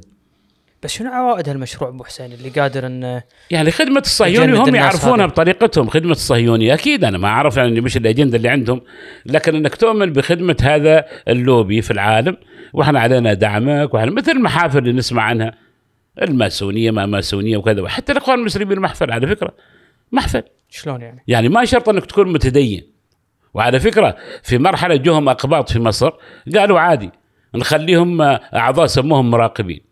لأنه غير مسلمين على اعتبار اسم الجماعة الإخوان المسلمين. شو وين؟ ليش؟ هذا بيفيدنا. في وزارة في عيادة في كذا. المهم عنده اشتراك وعنده حضور وعنده كذا ممكن يجند. هاي فكرتهم طريقة الخلايا. على فكرة كل التنظيمات السياسية في الوطن العربي استفادت من تركيبة وهيكلية الأحزاب الشيوعية. لأن الأحزاب الشيوعية عند- عندها طريقة الخلايا. أخذوها الإخوان المسلمين وأخذوها حتى جماعة الدعوة. زين؟ وأخذوها القوميين إلى حد ما. لأن القوميين ما عاد كان عندهم مشكلة. فتجدهم على شكل خلايا وكل خلية ما تعرف الثاني في مراحل معينة. وأبرع الناس في هذه التنظيمات والخلايا المنفصلة الإخوان هذا الشيوعيين فاهم؟ مم. فأخذوا منهم هذه الهيكلية كلها. رد مرة ثانية أبو حسين حق موضوع فلسطين للحين ما جاوبنا عليه؟ اللي هو ليش ليش اختاروا فلسطين؟ اختاروا فلسطين كقاعدة متقدمة للصهيونية العالمية. هي القاعدة المتقدمة فلسطين. إذا قضينا على الأمة العربية وعملنا لها شلل سهل جدا أن نتخطاها فيما بعد إلى جغرافية أخرى بكل ارتياح. ثروات موقع استراتيجي ثلاثة آه، مضايق تحت تصرفي. مش بغيت أكثر من كذا؟ أنت تعرف حرب غزة بالكامل في الأخير طلعت عشان إيش؟ غاز غزة. غاز واعد جدا في البحر. ومشروع الهند غزة أوروبا. هذا تشرح لي يا أبو حسين؟ إيه؟ المشروع هذا. المشروع هذا, في سمعناه- الاخير في سمع- الاخير. حتى لعلمك مجموعة ال- العشرين الأخيرة. الهند ما حضرت. الهند صار عندها مشروع آخر. الناس يدورون وزير رئيس الوزراء الهندي ما موجود وهو في مجموعة العشرين. لا مجموعة بريكس. مجموعة بريكس. وهو من المؤسسين. إذا صار عندهم مشروع بديل. مشروع الهند غزة أو سميه السد تل ابيب ايا كان هذا. زين وبعدين إلى أوروبا مباشرة. وغزة أيضا هي معبر لبحيرة بن غوريون اللي بتضرب قناة السويس. الآن كل هذه الأشياء انشلت عندك خبر؟ طوفان الأقصى هذا هذا اليوم أسمع أقول لك الهنود كنا يتكلم عن المشروع إنه خلاص المشروع هذا استبدل لأنه لم يعد لم يكن يتوقع الخطر يوصل لهالدرجه بس تشرح لي المشروع أبو حسين وش أنا ما سمعت فيه من أول هو إيه. خط تجاري هذا؟ خط تجاري مثل طريق الحرير من يطلع من إلى يطلع من الهند إلى بعض دول الخليج معبر زين قوافل برية وبحرية وكذا وصولا إلى النقطة المركزية إسرائيل الحالية ومن إسرائيل إلى أوروبا. فوائد عظيمة جدا. الكل يستفيد من جمرك من رسوم من بيع من شراء من تخزين من كذا. الكل يستفيد مثل خط الحرير السابق. وهذا اللي كان مراهن عليه بايدن كان يتكلم عليه فترة يتكلم عليه بهذه الطريقة هم لأنه في المقابل مجموعة بريكس أقلقتهم. مجموعة العشرين مجموعة الثمانية لم تعد ذات جدوى. بعد آه، الأزمة الأوكرانية الكل صار يبحث عن مصالحه الخاصة. يعني ما عاد في أمان بهذا المشروعات. فهم يريدون كان هذا جديد عشان يخترقوا بريكس. بريكس يعني تقريبا نقول بعد مجموعة بعد يعني سنوات بسيطة يفترض إنه تعمل بنك مركزي موحد إذا تستغني عن الدولار. تعمل بنك تنمية موحد زين أو على الأقل كاول خطوه تعترف بالتداول بالعملات المحلية. أكبر ضربه لأنك أنت يعني تجمع يشكل نص العالم. الصين والهند و- وجنوب أفريقيا والبرازيل وروسيا و... نص العالم. أعضاء بريكس. كلهم. هم المؤسسين في بريكس. والحين دخلت على الخط على فكرة آه، شو اسمه وإيران معاهم. زين ودخلت فنزويلا وما أعرف إيش دول ثانية و... خلاص إذا قارات العالم كلها. والدول الأفريقية هذه اللي بتحرك فيها انقلابات النيجر ومالي. هي مشروع البريكس قادم لأنه فيها ثروات طبيعية. حسين انت أنت جبت طاري تركيا. هي واحدة من الدول بصراحة اللي أنا ودي أتكلم عن عن موقفها ولا بو حماس. يعني إحنا شفنا في بداية الأمر كان في سكوت غريب بعدين شفنا لا صار في تصعيد كبير بعدين رد نزل. يعني في أشياء تحت الطاولة إحنا ما نشوفها ما ندري عنها ولا يعني ودي أمر على هذه الدول أعرف شنو أسباب المواقف اللي تتخذها اليوم خصوصا مع طوفان الأقصى. شوف تركيا لا يمكن تكون مع العرب والمسلمين وهي مع الناتو. مصر لا يمكن تكون مع العرب وهي مع كامب ديفيد. السلطة الفلسطينية لا يمكن تكون مع فلسطين وهي مع أوسلو. هذه معادلة طبيعية هذه اتفاقيات تكبلك وانت تشوف بعينك الغلط ما تقدر تحركه. لو تركيا خرجت من الناتو أيوه. الناتو ما يفيدها شيء على فكرة. مش تجمع اقتصادي تجمع عسكري. وعبر تاريخهم من 1950 يعني تركيا هي المحرقة. 1950 أكثر قوات يمكن شاركت في الحرب الكورية أيامها الأتراك. طيب قول لي وش العايد في نهاية المطاف؟ يعني حتى نظرة الناتو والدول المكونة فيه نتيجة الثقافات المختلفة. أولا ما قبلوا تركيا في الاتحاد الأوروبي. من خمسين سنة وهم مواعيد آخر شيء بنعطيها المعاملة الخاصة. آه، دخول رعاياها إلى أوروبا أسهل وكذا إلى آخره. مزايا معينة. كلها عبارة عن جوائز ترضية لكن ما في. زين لما تقول لي والله يمكن لأنها مسلمة مش قصة مسلمة. أصلا هم معرفتهم بالثقافة التركية ثقافة رعناء تركيبة الشخصية التركية. الشركية- الشخصية التركية الأكثرية يمكن يمكن ما عندهم الأكثرية الحين يعني. عندك علويين زين وعندك طورانيين اللي هم جذور أرطغرل بالشله ذيلا إلى آخره. بعدين يجوك أرمن وتركمان وما أعرف إيش وكذا مجموعة أشياء وعرب وأكراد و إلى آخره. هذه التعامل معاهم صعب هذه يعني؟ صعب جدا. حتى في أمثال في الغرب عن ال- الأتراك إنه عقليتهم وانه كذا. على فكرة في فرنسا إذا شافوا واحد راسه مسكر يقول لك تركي لا تكلمه. زين هذا نتيجة موروثهم من أيام الخلافة العثمانية. فيقول لك هؤلاء الناس لو دمجناهم زين فراح يأثر علينا ثقافيا. الدمج. لكن كمراقب خليه. بيش؟ قال إحنا شفناهم تجربتهم في ألمانيا. يعني في كذا ولاية في جنوب ألمانيا لا عاد يتكلموا ألماني. فرضوا عليهم الإتراك. وبافاريا ما بافاريا والأماكن وكولون ما كولون في الجنوب. تعال شوف خمسة مليون هذا كيف تحركهم؟ أنا بس- بغيت تسفرهم مستحيل. أنا بغيت تدمجهم في المجتمع مستحيل. زين؟ وفوق هذا وش أضافوا؟ عمال ومع عمال وكذا وكلهم شاورما. ما تروح شم الشاورما والمشاوي وين ما تروح. لأنه مش من مؤثر ثقافي هم ما جايين مؤثر ثقافي قوي. فهمت؟ فبالتالي طالما هي موجودة وعلى فكرة من أول دولة يعني آه، إسلامية اعترفت بإسرائيل تركيا. أيام عندنا المندرس 1950 بس شلون التصعيد اللي شفناه من أردوغان؟ على فجاه مناورات هذا رجل تاجر. تاجر ما له علاقة لا مبدأ ولا شيء. حتى الناس اللي بيحسبوا على الأخوان على فكرة أنا سمعت مستشاره في في برنامج طويل بيضحك يقول أنا أستغرب من أخواننا العرب اللي بيحسبون حزب العدالة على الأخوان. يا أخوان إحنا مش أخوان مسلمين. إحنا تيار إسلامي صحيح لكن مش إخوان. وأثبت هذا الشيء اليوم. يعني هم يقولوا هكذا يعني على أساس إنه إحنا مش إخوان. الآن شوف دخولهم على الخط دخول خطير جدا. يعني دخول خطير وأنا أعتقد إنه مش كل الاطياف في غزة راح تقبل. لأنه من ضمن المتداول اليوم أن توضع غزة بعد الهدنة تمام؟ تحت مسؤولية أممية انتبه. شنو أممية؟ أممية يعني لا يحكمها لا عباس ولا مصر ولا ناس من غزة. تكون منظمة امميه هيئه الامم المتحده وكذا شيء. لا فهو بيستبق الأحداث الحين أردوغان ويقول عندنا استعداد لإدارة غزة بعد الهدنة. هو عفوا بس شنو الفائده هذه دائما اللي يطرح نفسه من؟ تركيا؟ يعني هو تركيا دائما تطرح نفسها هو يعتقد إن- إنه هو أقرب إلى الأخوان والنايمون على خالد مشعل وإسماعيل هنية. و... و... وعلى فكرة قيادة حماس في الخارج تختلف عن قيادة حماس في الداخل. ويحيى السنوار قال إحنا من 2017 خرجنا من عباءه الأخوان المسلمين. صح. تمام؟ زين؟ لذلك أنت لما تتكلم عن قيادة الخارج هي اللي كانت أيام الربيع العبري والسوالف دي وكذا وكذا إلى آخره.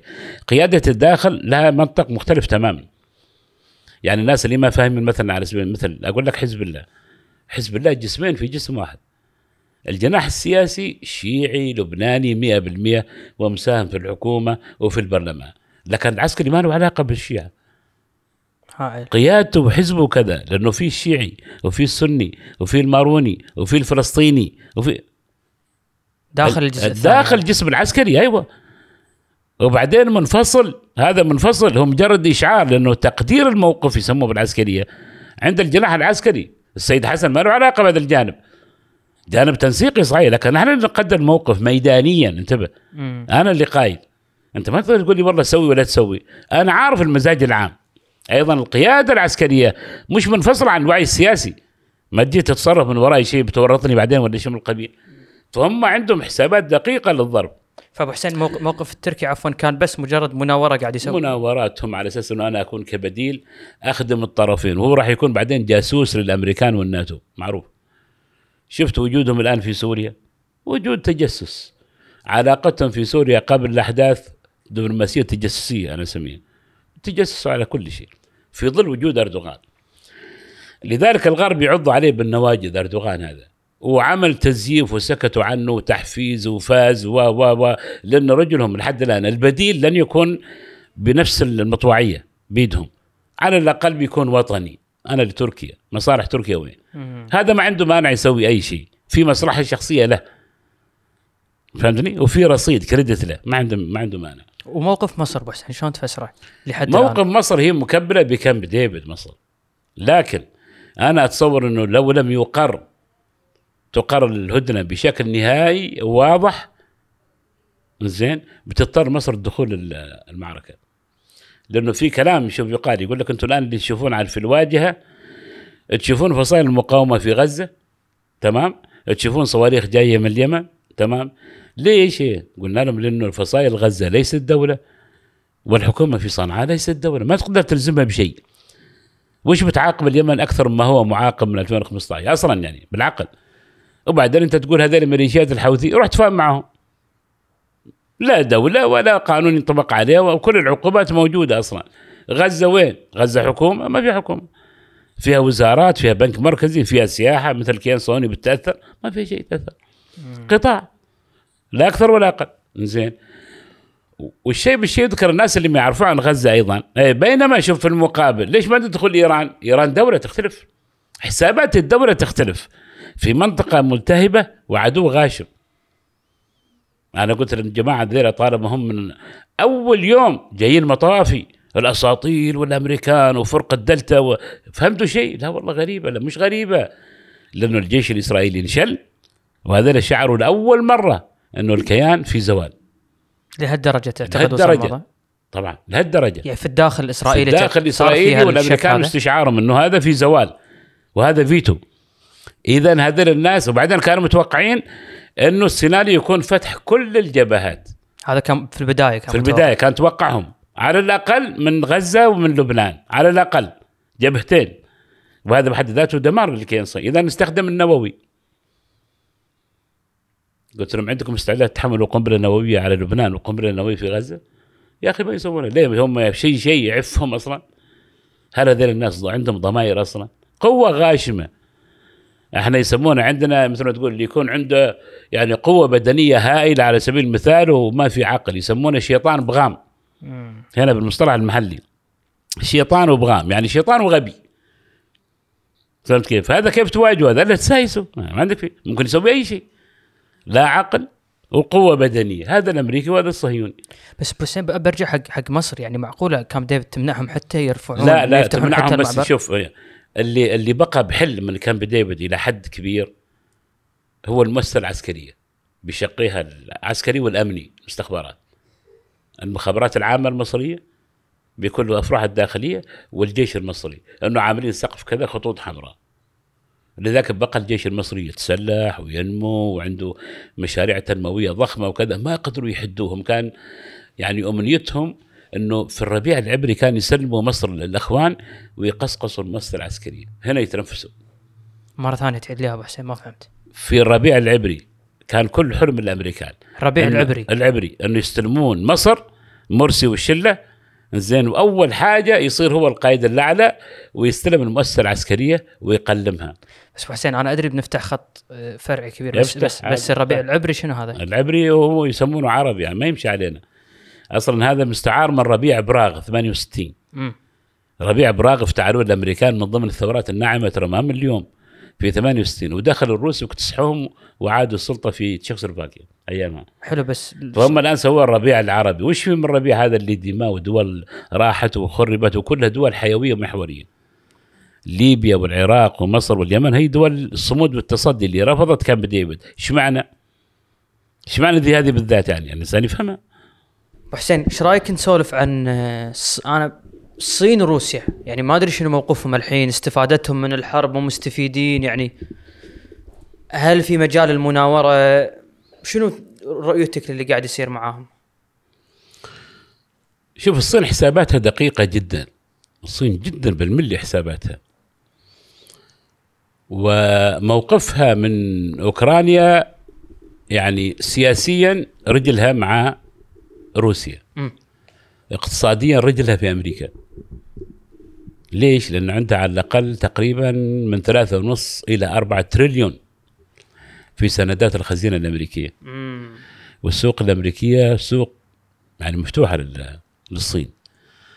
ولكن في المقابل السيناريو اللي حادث اليوم في أوكرانيا تجاه روسيا هو معد ان يكون في الصين عبر الأيغور الأقلية المسلمة. زين وعبر التمرد ال- البوذي الدلاي لاما في التبت. فهي خ... يعني عندها خشية كبيرة انه الأمريكان ينقلون نفس السيناريو إلى جغرافية الصين وهم جربوا في 89 ميدان تيانان من وما أعرف إيش وكذا وفشلوا. وجربوا بالإيغور ما إيغور وكذا وفشلوا. وحملات ضد الصين واضطهاد المسلمين وكذا وكذا وفشلوا. الآن في عندك الفرقة تقريبا أو اللواء الأيغوري في روس في سوريا. 5000 مقاتل. وش يسوون هذول؟ ومصيرهم بيرجعون إلى الصين من جديد بشكل أو بآخر. هذول بيسمون لك مثل العرب الأفغان لما رجعوا الدول العربية. هم اللي قادوا بعدين الإرهاب وهم في جوانتانام وهم كذا. يعني تم استيداعهم. أمس كانوا مجاهدين في أفغانستان. خلص ما يسمى بالجهاد تحولوا إرهابيين في بلدانهم قوائم سوداء. فوش يعملوا؟ اللي راح الشيشان اللي راح داغستان اللي راح البوسنة فاهمني؟ لما جات الأزمة في سوريا استدعوهم من جديد. كان نحتاجوهم. نفس الأسماء. ورفع عنهم القلم. يعني كبنادق للإيجار. كان.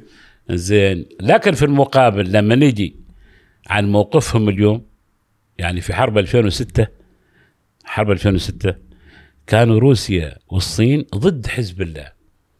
وموقفهم في مجلس الأمن مع أي قرار يدين حزب الله. اليوم هم مع حزب الله. شوف المتغيرات. شو اللي تغير؟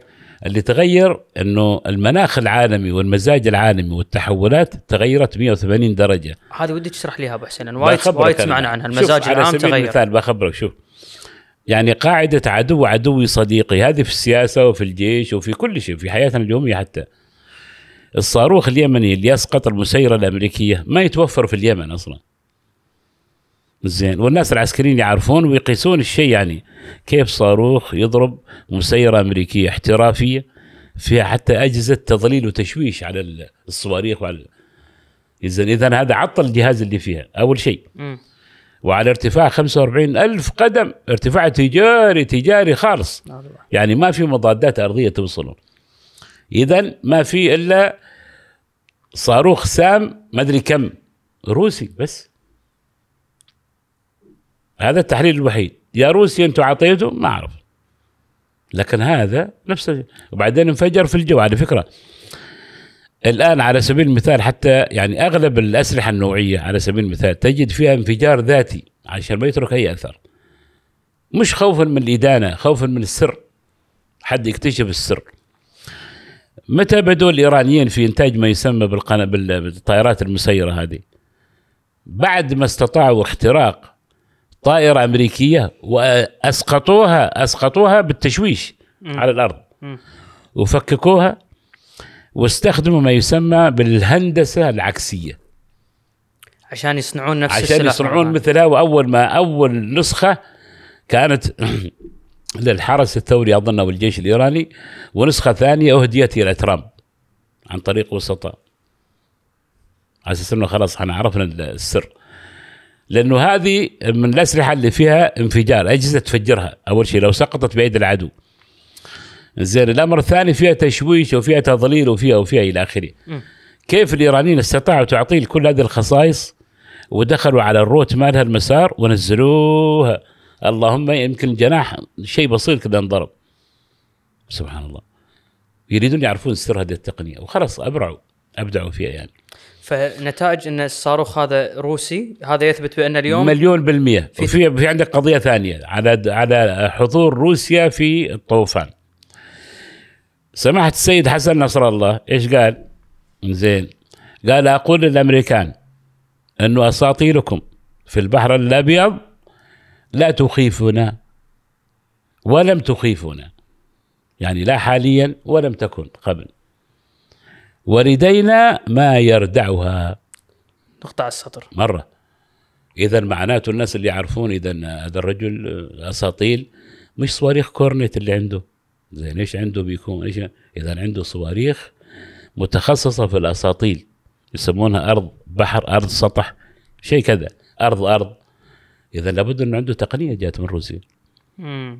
وش مصلحة الروس؟ الروس كلما ازداد الطوفان هذا واعتبسوا الجماعة هنا في فلسطين المحتلة كل ما تنفسوا وزادت أوراقهم في أوكرانيا. هذا كان أفضل شيء لهم اللي صار طبعا طبعا. الناس لهت عن على طول لأن أصلا يعني يا أخي بغض النظر إنه في فلسطين ما فلسطين.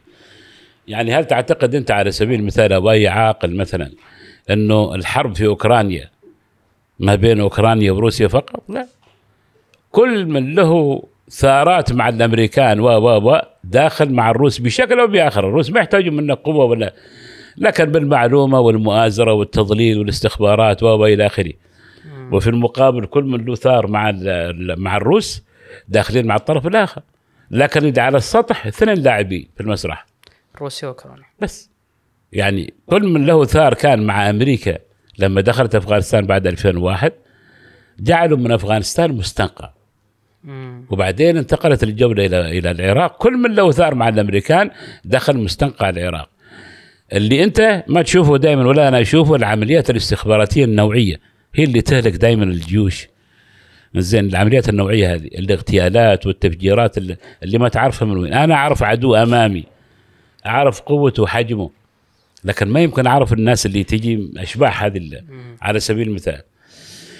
يعني أنا أعطيك على سبيل المثال شوف الآن الكمية الهائلة من الأسرار اللي استحوذت عليها المقاومة في غلاف غزة إلى درجة أنه اليوم في ناس تتحدث أنه المراد من هذه العملية كلها مش أسر ولا تحرير ولا ولا ولا استباق مخطط لغزة بعد عيد الغفران. هم بدوا سبعة عيد الغفران ينتهي في يوم عشرة. لأنه كان في مخطط أنهم أصلا يهجمون يباغتوا غزة.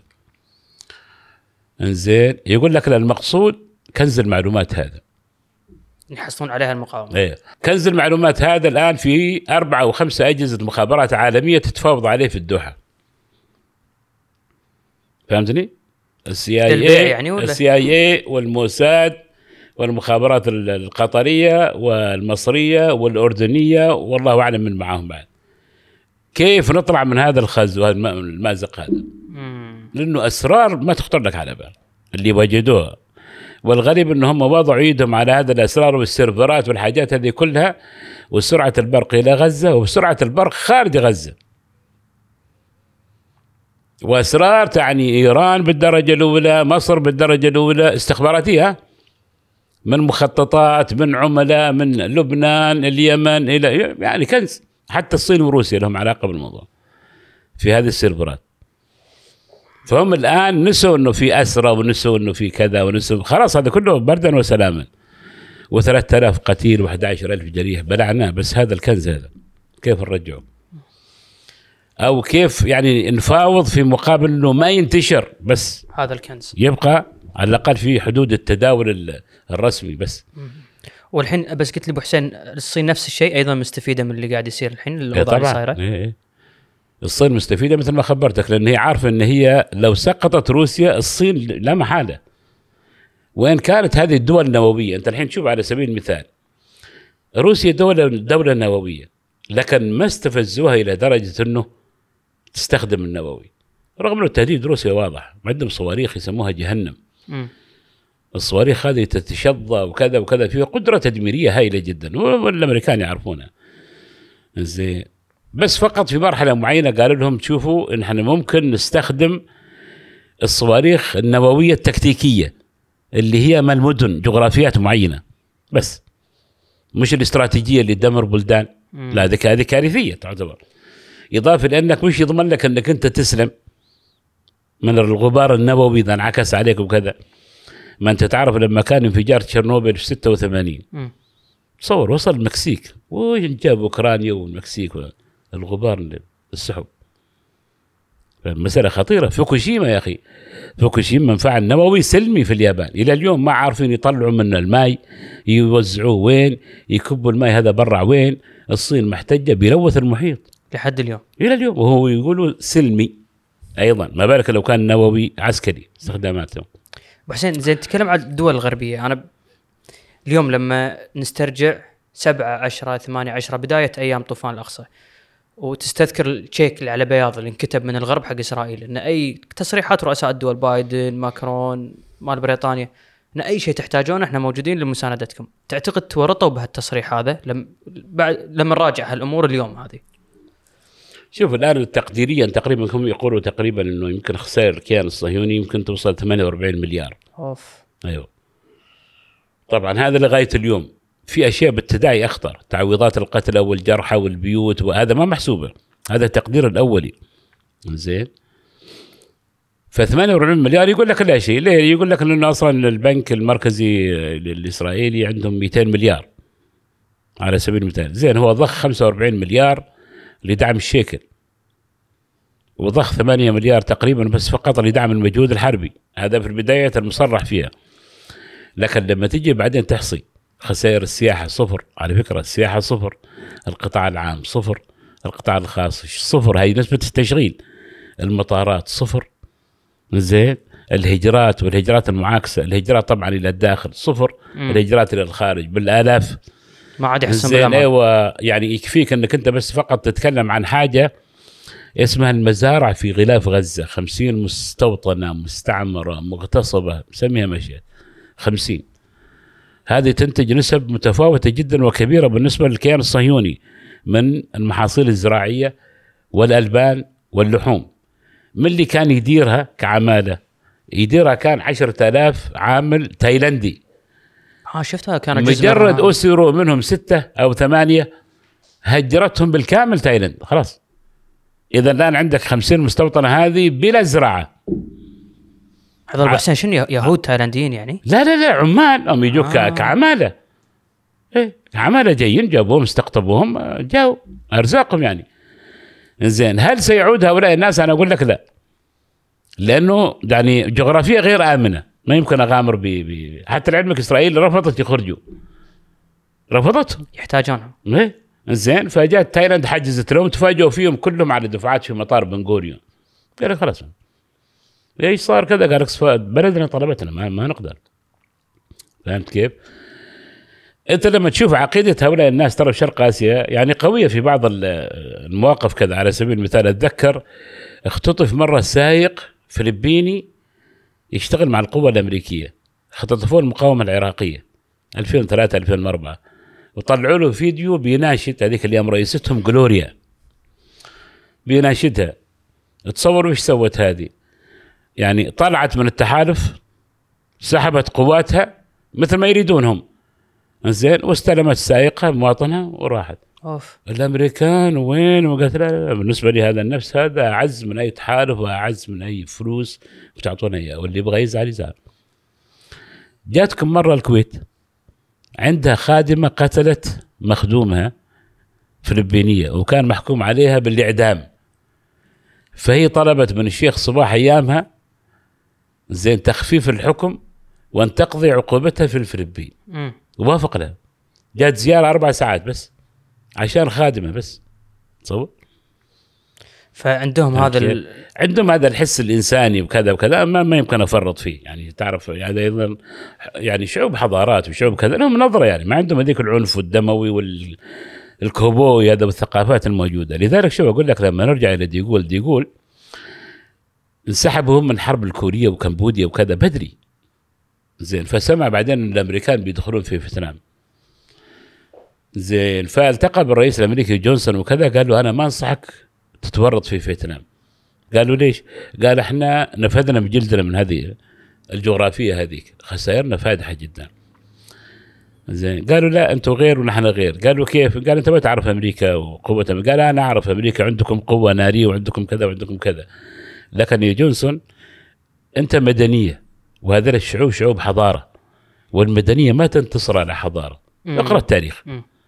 لأنه ابن الحضارة نفسه طويل في الصراع. طويل قال لا لا أنت ما تعرف. قال زين تفضل دخل. دخل غرق في فيتنام لحد ما سقط جونسون وأناب عنه بعدين. نيكسون نايبه وصارت فضيحة بجلاجل. اللي كان يقود المف... شو اسمه أيامها المقاومه الزعيم هوشي منه. هوشي منه عنده قاعدة. يقول سنقتل منكم واحد وستقتلون منا في المقابل عشرة ولكننا سننتصر. وفعلا. يقول إحنا ما يهمنا الضحايا. أقول يا ريت هذول الحين البكائيين اليوم.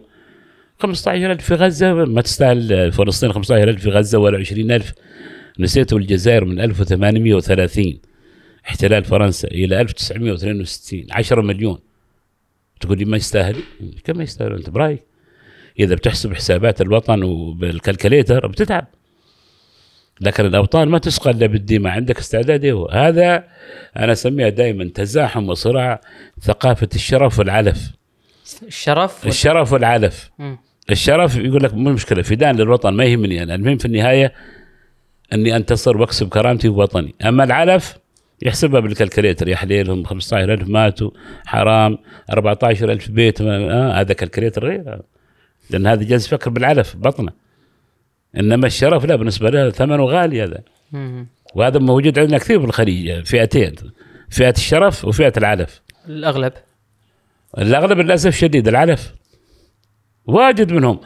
أنا أقول لهم إذا أنت اليوم شوف خذلت غزة والله وكان أشوفها بالعلم والج- ستخذل بلدك بكرة. والله وطنك ما راح تقف معه لأنه ما عندك معيار للشرف. اللي عنده معيار للشرف اللي يرضى لنفسه يرضى للآخرين. واللي ما يرضى لنفسه ما يرضى للآخرين. هنا تحس إن هذا الإنسان سوي. فهمتني؟ أما إذا تعتبر لي والله الوطن فندق ما عجبني أغير غيره هذيك حاجة ثانية برأيك أنت. هنا الفرق يا محمد ما بين الوطني والمواطن. المواطن إنسان بداخل وطن والوطني إنسان بداخله وطن. ما ما تقدر تطلعه. فهمت كيف؟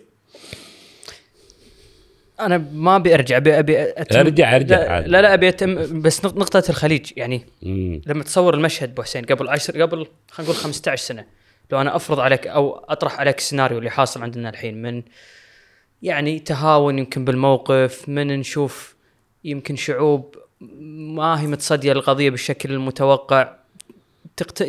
يعني توقع هذا السيناريو ولا تستبعده ولا بالنسبة لك شيء طبيعي يكون مع مرور الزمن بأن شعوب الخليج شوية تقبل هذا المشروع الصهيوني ولا التهاون مع القضية الفلسطينية؟ بس شلون صار هذا الاختراق أساسا اختراق المشروع الصهيوني داخل عندنا في الخليج؟ أنا ما أدري قلت لك في التليفون ولا لا؟ أن أنا 95 كتبت مقال في الشرق القطرية. 95 زين عنوانه حتى لا تصبح بلدان الخليج حتى لا تصبح أقطار الخليج قدوة سيئة. وقلت أنا أتوقع إن المستقبل إنه دول الخليج أقطار الخليج خاسره رخوة. إيش تقصد خسر الرخاء؟ خاسره رخوه امنيا لأنه لا تمتلك ثارات مباشرة مع الصهاينه بس شاركت بحروب. لحظة. يعني أنا ما عندي في بيتي قتيل شارك في فلسطين. ما عندي في بيتي جريح. ما عندي في بيتي بيت مدمر ولا جاري ولا كذا عكس دول الطوق. فبالتالي هذا حصارتهم قوية في التعامل مع الصهاينة لأنه تاريخ. زين إحنا يعني نكره وكذا بالإنابة عن بعد. لأن أخوي متألم أنا أتألم معاه لكن أنا ما تألمت مباشرة. فقلت لهم هنا الخطورة يا أخوان بيتسللوا عبر دول الخليج انتبهوا. وبيلتفوا على الوطن العربي فيما بعد. الآن جات الحاجة لدول الخليج لأن عندها قوة شرائية وقدرة شرائية. شوف طمعانين بالفلوس أن يوسعون الأسواق إلى هذه الدول. وأنا سبق أني قبل يمكن أربع خمس سنوات تحذرت ان هذول الناس بيجوكم متسللين عبر مستثمرين.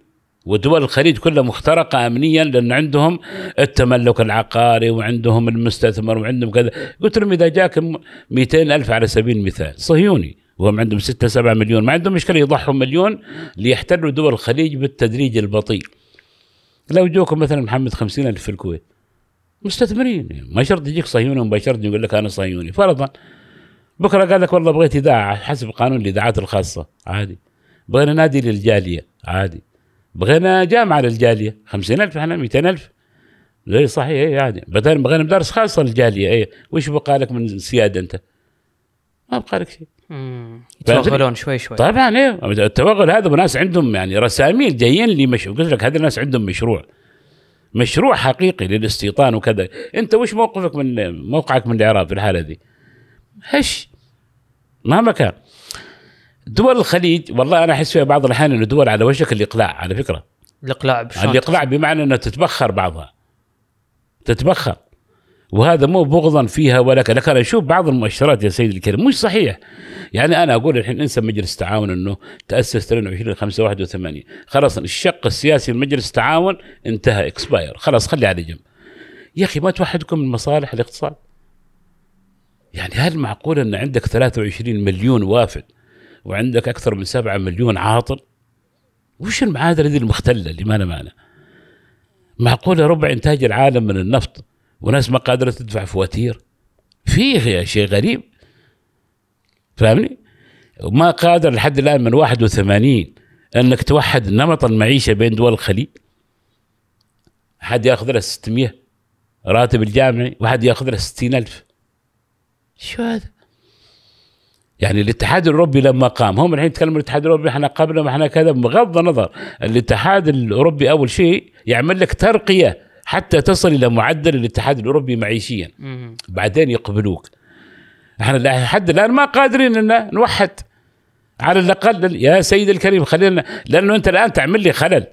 أنت لما تقول لي أنا يا عماني وبحريني اللي إحنا أقل رواتب. إحنا بغينا مواطنين تعالوا جيبوا لنا بتعمل لي خلل يا أخي هذا الإنسان متعود على 600 ريال. تيجي تقول بعينه في الإمارات مثلا ب 50000 درهم سويت لي فجوة يفترض أنه ينتقل من وإلى امتيازات معقولة لكن هذه الفجوة أنت عملت لي خلل هنا في القوة قوة العمل. زين بغض النظر هل هذا أصلا متاح؟ مش متاح. في دولة خليجية واحدة فيها قانون من المرسوم أميري من 2012 بمعاملة الخليجي كالمواطن في التوظيف والامتيازات والتقاعد والله ما نفذ منه شبر. طيب جربوا. أكيد حد كلمهم وأنتم بتفتحون لنا ثغرة وأنتم ما أدري إيش وكذا وكذا. طيب أنت الحين بغيتني أكون معاك في السوق. ما تبغيني أكون أنا في يعني شيء كذا في شيء إيجابي. خليني يا أخي. أنا بخرج شيء يقتدي فيني. لا ارجع أرجعك ريوس معي لن يكون قرار موحد. طيب أنت الآن لما تيجي إذا شفت لي الفيديو اللي أتكلم إنه لو قررت إيران الانسحاب من حلف المقاومة زين ورضخت الإغراءات الأمريكية أنه خليكم بس في جغرافيتكم لا تسوون شيء. بس اعلنوا ان إحنا ما لنا علاقة بحلف المقاومة. وفي تيارين في إيران سياسيا أقوياء الفارسي والنيو ليبرال الليبراليين. زين؟ هذول أصلا مش مع المقاومة بهذه الحدة اللي عليها المحافظين. اللي يحكمون من 79 فيقول لك ليش ما تكون إيران الايرانيين مش إلا بالقضايا العربية يحاربون العرب قبل الصهاينة. تصور يا أخي نرجع جغرافيتنا ما إحنا اولى بهذه التفاصيل. لو قررت إيران أن تقول لهم خلاص إحنا قبلنا بإغراءاتكم بنطلع من حلف المقاومه لكن لا علاقة مع إسرائيل ولا في عالم إسرائيلي في طهران ولا المعاملة اللي كانت أيام الشاه. زين. لكن عندنا شرط. وش الشرط؟ أبغى أستعبد الخليج. أستعبدهم. يقول لك تم. الناس قالوا لا ابو حسين وش عندك تتكلم في إيش أنت؟ هل أمريكا شفتها في يوم من الأيام وفية لحليف أصلا؟ نسيت إيش سوت في السادات اللي قتل بعد كان بديبة في وضح النهار؟ في زعيم يقتل في استعراض عسكري يا رجل. استعراض عسكري. منصة كلها مسدسات وجيوش و... شو هذا؟ فهمت؟ وبعضهم يقول لك والله نصر أصلا خالد الاسلمبوني يقول لك اللي قتل السادات ما كان موجود في العرض. من اللي دخله آخر يوم؟ ما حد يعرف. لهالدرجه إيه؟ زين. لا ويقول لك بعد الأمريكان سربوا للسادات أنه عندنا معلومات دقيقة للغاية أنه ستغتال من حرسك. قال لهم جيبوا لي الحرس بدون مسدسات. هل تتصور أن أول من أطلق النار على سبيل المثال على المهاجمين؟ تصور أنت. زين. الملحق العسكري الأمريكي والموفد العماني الغماري رحمة الله عليه وقتل العماني. كان مسدس داخل معاه مسدس لأنه كان السيد شبيب أيامها مبعوث لصاحب الجلالة تصور تصور وقتل هو لأنه وجهوه للرصاص رجال يقاوموا والبقية كلهم ربي كما خلقتنا اللي يضرب بكرسي واللي متخبي تحت كرسي واللي واللي, واللي. نسيت الشاه تأشيرة ما أعطوه. تخيل. تأشيرة ما حصل. نسيت ماركوس مال الفلبين. وقس عليه ما تشاء أنت لما تقيس نفسك أنت الحين كدول الخليج كتلة جغرافية واحدة. مع أهمية إيران ما تجي شيء يفهم. لهالدرجة. أيوه. إيران كتلة سكانية هائلة 100 مليون. إيران جغرافية هائلة. معادن مواقع استراتيجية. جيوبوليتيك تتحرك بشكل خطير. إيران هي مع تركيا أرمينيا أذربيجان روسيا أفغانستان. شوف الموقع. بس كرت الطاقة دائما موجود عند دول الخليج. إيش هي؟ يعني موضوع الطاقة والنفط موضوع الطاقة بخبرك ما هم بيقول لهم بتقول لهم أنا بستعبد الخليج وبعطيكم الطاقة. هذه الصفقة. أنت وش بتسوي؟ زين. عشان كذا قلنا لهم يا إخوان انتبهوا إن أنتم يمكن في أي لحظة تلفظونكم لفظ الأمريكان هذا ما لهم أمان أصلا. فعملوا لكم تكتل على الأقل. صحيح إنه مجلس التعاون أشهر في مايو 81 بإرادة أمريكية مشروع أمريكي لمواجهة إيران. آمنا أي عاقل يفهمها طيب أنتم بذكائكم قولوا يا أمريكان إحنا نبغي نسوي تكتل اقتصادي ما يضركم. ما نبغي عسكري. خلينا تحت مظلتكم العسكرية أيا كان. من مانعكم تسوي تكتل اقتصادي؟ ما حد. من مانعكم توحيد القوانين التوظيف المركزي التقاعد المركزي؟ والله ما حد. لكن عقليات غريبة وكل شغال أنا ومن بعدي الطوفان وهكذا.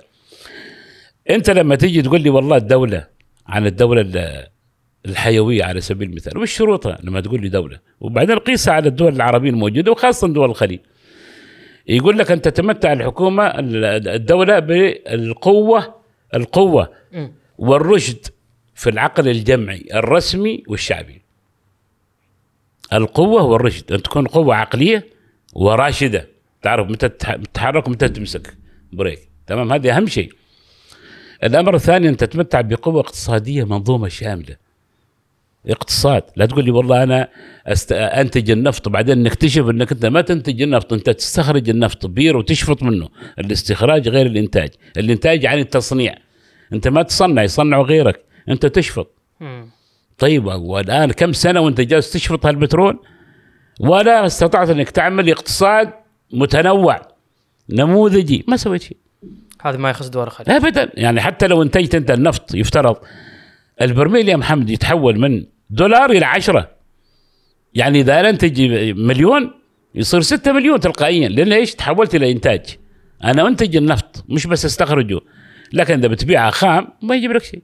أسعار ال- ال- البورصه الموجوده طيب بعد ما تكون عندك عقلية راشدة زين في القيادة وفي ال- الشعب الأمر الثاني قوة اقتصادية منوعة علميا وانتاجيا. زين. وبعدين قوة إيمانية روحانية تدعم. يكون في عقيدة موجودة وروحانية عالية وبعدين قوة عسكرية وعلى رأس التصنيع. هذه تسمى دولة قوية. مهما حاولت يمين يسار ما, راح. أما تستورد لي كل شيء وتقول لي أنا دولة ينفع. حتى مفهوم السيادة تغير. أنت طالما هذه الأشياء الرئيسية ما تنتجها إذا سيادتك مجروحة. مرهونة إلى فلان وعلان من الناس. لا تتكلم عن السيادة رجاء. أنت تلاحظهم دول الخليج إذا صار شيء بينهم يستخدمون السادية باسم السيادة. لا. على بعضهم بعض. زين؟ سادية غريبة. وانت شفت لما هذه صارت الخلافات هنا ولا هنا؟ ليه؟ وين القوة هذه؟ والله هذه القوة لو ربع منها تحرر فلسطين وجهت إلى خصم حقيقي. لكن شطار على بعضهم بعض؟ هذا دليل سادية. أنا ما أقدر أواجه القوي. هذا يسمى في علم النفس الإضراب الخفي. الإضراب الخفي. الإضراب الخفي. أنا ما أقدر أواجه القوة القاهرة اللي أمامي فأستخدم أساليب تحفظ مصالحي وكذا بطريقة زين منه هو ما يشوفها. لكن أنا جالس أمارس يعني هذا الإضراب وألبي مصالحي بطريقة ملتوية. فلما تيجي هم بعدين عندك يعني حاجة داخلية بين دول مجلس التعاون تتفاجئ بذيك الساديه لا كرامتنا ما تسمح ألفاظ غريبة أول مرة تسمعها. وين كرامتك عن قضايا مصيرية صارت وكذا وكذا إلى آخره؟ طيب أنت بعد بعد احتلال الكويت ما تبت؟ لما قال لكم سلطان قابوس نبي مئة ألف عسكري ما تبت؟ وجاء 2003 احتلال العراق ما تبت؟ شيء غريب. فهمت؟ وقس عليها نكسات ونكبات وكذا وكذا. زين متى بتتوب؟ متى بترشد؟ فهمت؟ والآن لو تشوفهم نفس الشيء كل دولة شغالة بطريقة يا ريت لصالحها لا لإضعاف جوارها. مم. هذه كارثة ثانية. فهمت؟ بس أبو حسين أنا برجع حق آه، يعني أنا بصراحة إذا تقول لي أكثر شيء محيرني بما يخص القضية اللي صايرة الحين يعني كنا نسمع من قبل طوفان الأقصى إيش كثر الصهاينه عندهم لوبي بالغرب عندهم مصالح مشتركة. بس بالنسبة لك يعني حادثه فرضا مثل إيلون ماسك اللي صار إنه شخص يتلفظ ولا ممكن ما قال شيء خطير قال مم. شيء بسيط بس ما عجب دول الغرب وما عجب الصهاينة. بعدها بعشرة أيام تشوفه موجود مع نتنياهو غصبا عليه وشركات تسحب منهم تسحب منه مواضيع دعايات إلى آخره رؤساء الدول من أول يوم موجود يعني, يعني لهالدرجة هذا اللوبي الصهيوني قوي. يعني شنو العقوبات اللي أنا ممكن أفرضها عليك؟ إذا أنت ما لبيت طلباتي أنا ككيان صهيوني. يعني شنو هالقوة هذه اللي موجودة عندهم؟ أنت عشان تعرف اللوبي الصهيوني وقوته وكذا يعني شوف اللوبيات اللي موجودة في بلدك وبلدي مثلا. اللوبيات نافذة. يعني توصل لحد هنا يقول لك stop ما, ما تقدر تتعدي. ما إحنا قد فتحت لا كنا نتكلم عن هذا الموضوع صح ولا لا؟ فتخيل هذه النماذج الصغيرة لما تكبر بحيث أن أنت تمتلك شركات عملاقة وشركات مو بس شركات شركات عابرة للحدود. بس هم لما تقول لم يعد لها جنسية. لما تقول يملكونها أبو حسين شنو إيه. يعني لهم تأثير عليها ولا يملكون؟ طبعا طبعا طبعا لا يملكونها. يعني أنت لما تتكلم عن مؤسسات مثل البنك الدولي وصندوق النقد تملكها عائلة روتشيلد. وهي شوف الاسم صندوق النقد الدولي والبنك الدولي وفي الأخير تمتلكه عائلة. شلون تملكه؟ هم يمتلكوه هم اللي أسسوه. وأعطوه الغطاء الدولي أمريكا أعطته الغطاء الدولي هذا. لإذلال دول وإفلاس دول معروف إنه ما يتدخل صندوق النقد وما يتدخل البنك الدولي هم يقول لك إحنا الجراحة. وبعدين سلمنا الاقتصاد. أنت ما عندك علاقة. شيل الدعومات افرض الضرائب زيد كذا إذا ما عنده خرب بيوت. خلاص أنت ما عندك سيادة. من تسلم نفسك لهذه الصناديق ما عندك سيادة. على الإطلاق. ليش الناس الآن تبحث عن بديل؟ حتى الاقتصاد الربوي. ليش تبحثون الناس عن بديل الآن؟ لأنه قال لك لا يعقل يا أخي. يعني هذه مؤسسات يعني من اللي سالم منها تقريبا؟ يمكن أربع خمس دول على فكرة اللي ما لها علاقة ولا عضوية لا في صندوق النقد ولا في البنك الدولي. روسيا والصين يمكن وإيران وكوريا الشمالية تصور لذلك هذول خارجين عن السيطرة. بس هذول الأربعة. بس. أما الثانيين من تدخل أنت وكذا خلاص دخلت. زين فلا أنا لما يقاطعني مثلا الشركة الفلانية. تأثير اللوبي خطير لأنه شوف إذا أنت ما قاطعته أنا بقطع عنك كذا يعني أخبرك بحاجة على سبيل المثال. شفت الدبابة؟ الدبابة كيف تبان شكلها؟ يعني جنزير وهيكل و آه، برج ومدفعية وكذا. تعرف الدبابة كم مصنع يشترك فيها؟ 800 مصنع. الله. ومحمد عبد الحليم أبو غزالة وزير الحربية والدفاع في مصر ونائب الرئيس أيام حسني مبارك وكذا. زين عمل الهيئة العربية للتصنيع الحربي. وللأسف لما جاء كان بديفيد بعدين انسحبوا الإمارات والكويت ومع وقطر يمكن معاهم والمقر والتصنيع مصري. وانتجوا عربة فهد وما اعرف إيش أشياء كانت يعني. زين الرجل هذا كان يحلم في يوم من الأيام إني أعمل إني أنتج دبابة. قال تصوروا لما أوزع 800 مصنع على 20 22 دولة عربية. كم بشغل وكم بفيد وكم كذا على حسب المواد الخام الموجودة. دول فيها حديد ممكن أسلمها البرج يعملوا لنا البرج وهذا يعمل المدفع وهذا يعمل لنا الجنزير والجنزير فيه ربلات مطاط وفي 800 فأنت تصور على سبيل المثال بتكون تحت رحمة كم؟ الدبابة باسمك محمد ما عندك إشكال. وتطلع ماركة وسميها وكذا لكن شوف هذا اللي إذا حاربوك ترى خطير. لا بيحاربك اللي يسوي لك الربل بس المطاط مال الجنزير ما في دبابة. فهمت؟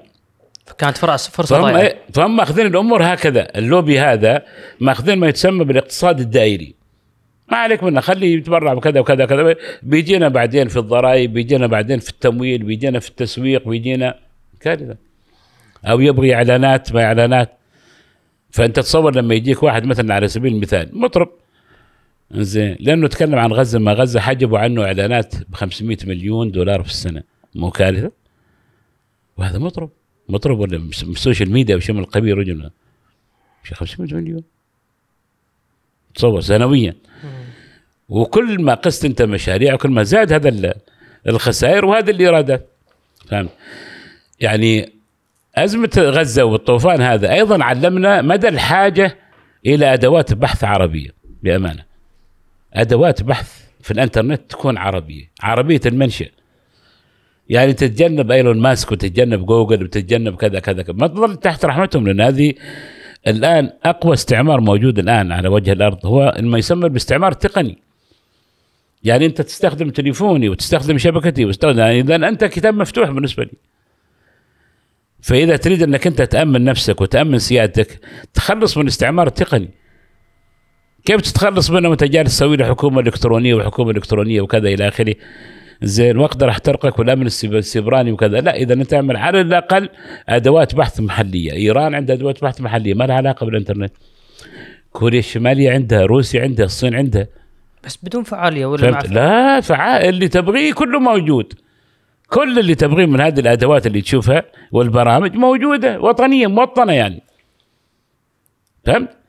ما أنت يعني هي البرامج هذه اللي أنت تسمعها الحين بدون ذكر أسماء. عبارة عن إيش يعني؟ ترى مو عبقرية. معروف اسمها ومحتواها طيب إذا سويتها أنا محلية انتهت بس ما اخترقوها أبو حسين يعني حاولوا يغ- يمنعون أشياء يحجبون من. يخترقوا من؟ يعني أقصد في بداية طوفان الأقصى حطوا أمور معينة بحيث إنها تحجب فلسطين تحجب غزة لا لا تحجب لا أنا ما أتكلم لك عن هذول يعني يحجبون ما يحجبون أنا قلت لك يعني هذه الدول يعني شوف أنا أشوف قبل يمكن أربع خمسة أيام وزير الاتصالات في ماليزيا استدعوا مندوبين استدعى مندوبين الشركات هذه المنصات المعروفة عالميا. ووبخهم يعني. ليش؟ يعني كيف تحجبون إذا أنا حسابي عندي حسابين سكروهم؟ مجرد إنك تذكر كود كذا برمجة. فلسطين غزة حماس ما أعرف وكذا وكذا. لذلك ليش تشوف الحين الشباب بعضهم يكتبون المقاومة حروف متفرقة؟ هذا ما يقراها. باركود هذا ما يروح عندهم. يقول لك هذاك إذا بيتكلم عن اليمن يقول لك جماعة حرف الحاء ما أدري إيش وكذا عشان يهرب لأن على طول الخوارزميات تشتغل وتلقط. والآن صاروا بعضهم ما عاد يتفاهموا. أمس حد يقول لي والله سكروا حسابي يقول حتى ما حد تواصل معي. ولا كالعادة يعني هددوني مرة مرتين أو ما في على طول تسكير قطع. على طول. أيوه. هذا يوحي لك إيش؟ إنه هم طالما عندهم القدرة على الفلترة وعلى المنع ولا كذا أنت ليش ما يكون عندك أدواتك الخاصة؟ ليش ما تفكر؟ أنت تعرف بعطيك يعني فكرة في 2001 2001 وش أكبر حدث صار؟ تفجير الأبراج في نيويورك. تمام؟ تفجير الأبراج في نيويورك ما الذي أنتج؟ يعني ما وراء الخبر. أنتج الاهتمام باللغة العربية من قبل الأمريكان والدول الأوروبية لمراقبة المواقع العربية تحت مسمى الإرهاب. هذا وفر علينا مئة سنة مئة سنة اللي تتقدم اللغة العربية لتصبح لغة حية من لغات الإنترنت. بسبب 2001 بسبب 2001 شوف رب رمية من غير الأرض الله سخرهم. وكانت أعلى رواتب في أمريكا بعد 2001 مترجم من العربية الإنجليزية. البنتاغون مليان. الإدارة الأمريكية مليانة. السي آي إي. تعال تعال تعال بس. على إنه يترجمون هذا؟ المواقع هذه كلها. على أساس انه تسهل رقابتهم ومتابعتهم هذه المواقع. فهمت كيف؟ وتعزز اللغة العربية. قلت لك يوفروا 100 سنة. لو كان مشروع عربي ولا شيء من القبيل. بيتاخر واجد يعني. لأن يبغى لك إجماع يبغى لك رسم يبغى لك كذا. فأنت الآن طالما عندك هذا ال يعني ال- ال- الملاحظات وكذا ليش ما تحاول إنك أنت فعلا تبحث من الآن عن شيء؟ طالما اللغة العربية أصبحت بهذه الأهمية وعندك تجارب دول أدنى منك يفترض أنه أقل منك. في القدرة والديموغرافيا وكذا وكذا إلى آخره. فيفترض أنه حتى لعلمك شباب عندهم ممكن يعملوا منصات شباب انفسهم ممكن يعملوا منصات لأنه تعرف الطوفان ال- الأقصى لم يكن لينجح بهذه القوة لولا الهجوم السبراني اللي سبقه اللي عطل القبة الحديدية وعطل المراقبة وعطل الكاميرات. وعطل وعطل على الغلاف مصر غلاف آه، غزة. هذا تزامن مع هذا فبعد هذا التعطيل خلاص دخلوا فأنت عندك قدرة أساسا إنك أنت توصل لمرحله لكن إنك أنت كيف تنتج وتتحرر؟ كيف تنتج بديل وتتحرر من الاستعمار التقني؟ أنت تح- ترحمتهم الآن.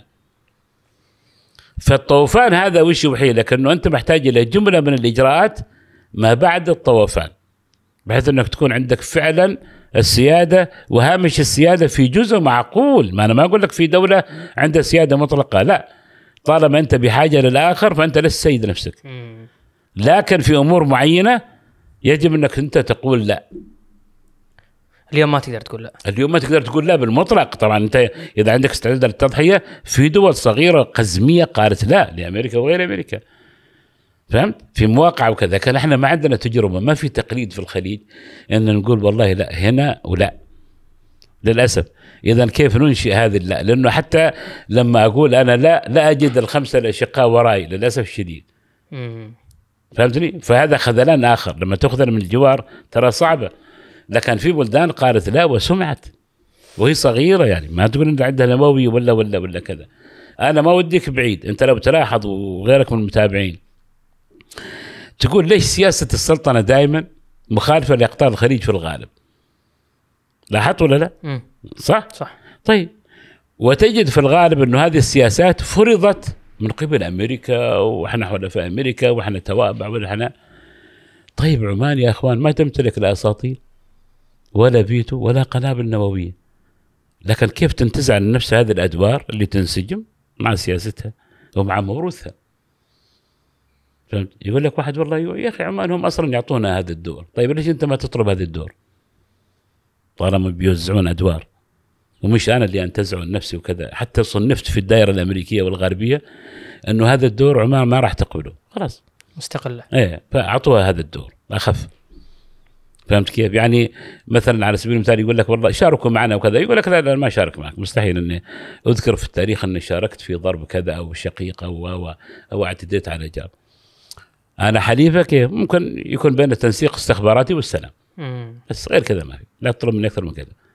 حتى في مرحلة من المراحل لما كان ضرب أفغانستان من أفغانستان يقول لك في تسهيلات أمريكية وكذا كذا لكن لا تضربوا من الأراضي العمانية رجاء. روح المحيط الهندي واضرب. فعمان فرضت إنها هي تأخذ الدور هذا. آه. ففي أقول لك أشياء كذا ممكن إنك أنت يعني تنتزعها وكذا وما حد يقول لك لا وما شرط تكون كبير ولا ند ولا كذا لا. عندك إرادة عندي موروث لا تجرحني أنا ما أقدر أقوم بهذه الأشياء. ويدون التاريخ إنه لا أنتم سويتوا كذا نسيت ولا كذا لا لا. التاريخ عبارة عن سلسلة إنه عمان الكيان العربي الوحيد اللي ل 2000 سنة متصل وحكم من قبل أبنائه 2000 سنة. شوف هذه التجربة يعني من من من الصعب جدا إنك أنت تخدشها وتجرحها وتعمل لها فاصل هنا وتعرجات وكذا. يا تواصل يا أما اقطع واسكت. فهمت كيف؟ مساك على القوة أبو حسين استمتعنا معاك. الله يسعدك. مشكور مشكور الله يجزاك خير مشكور.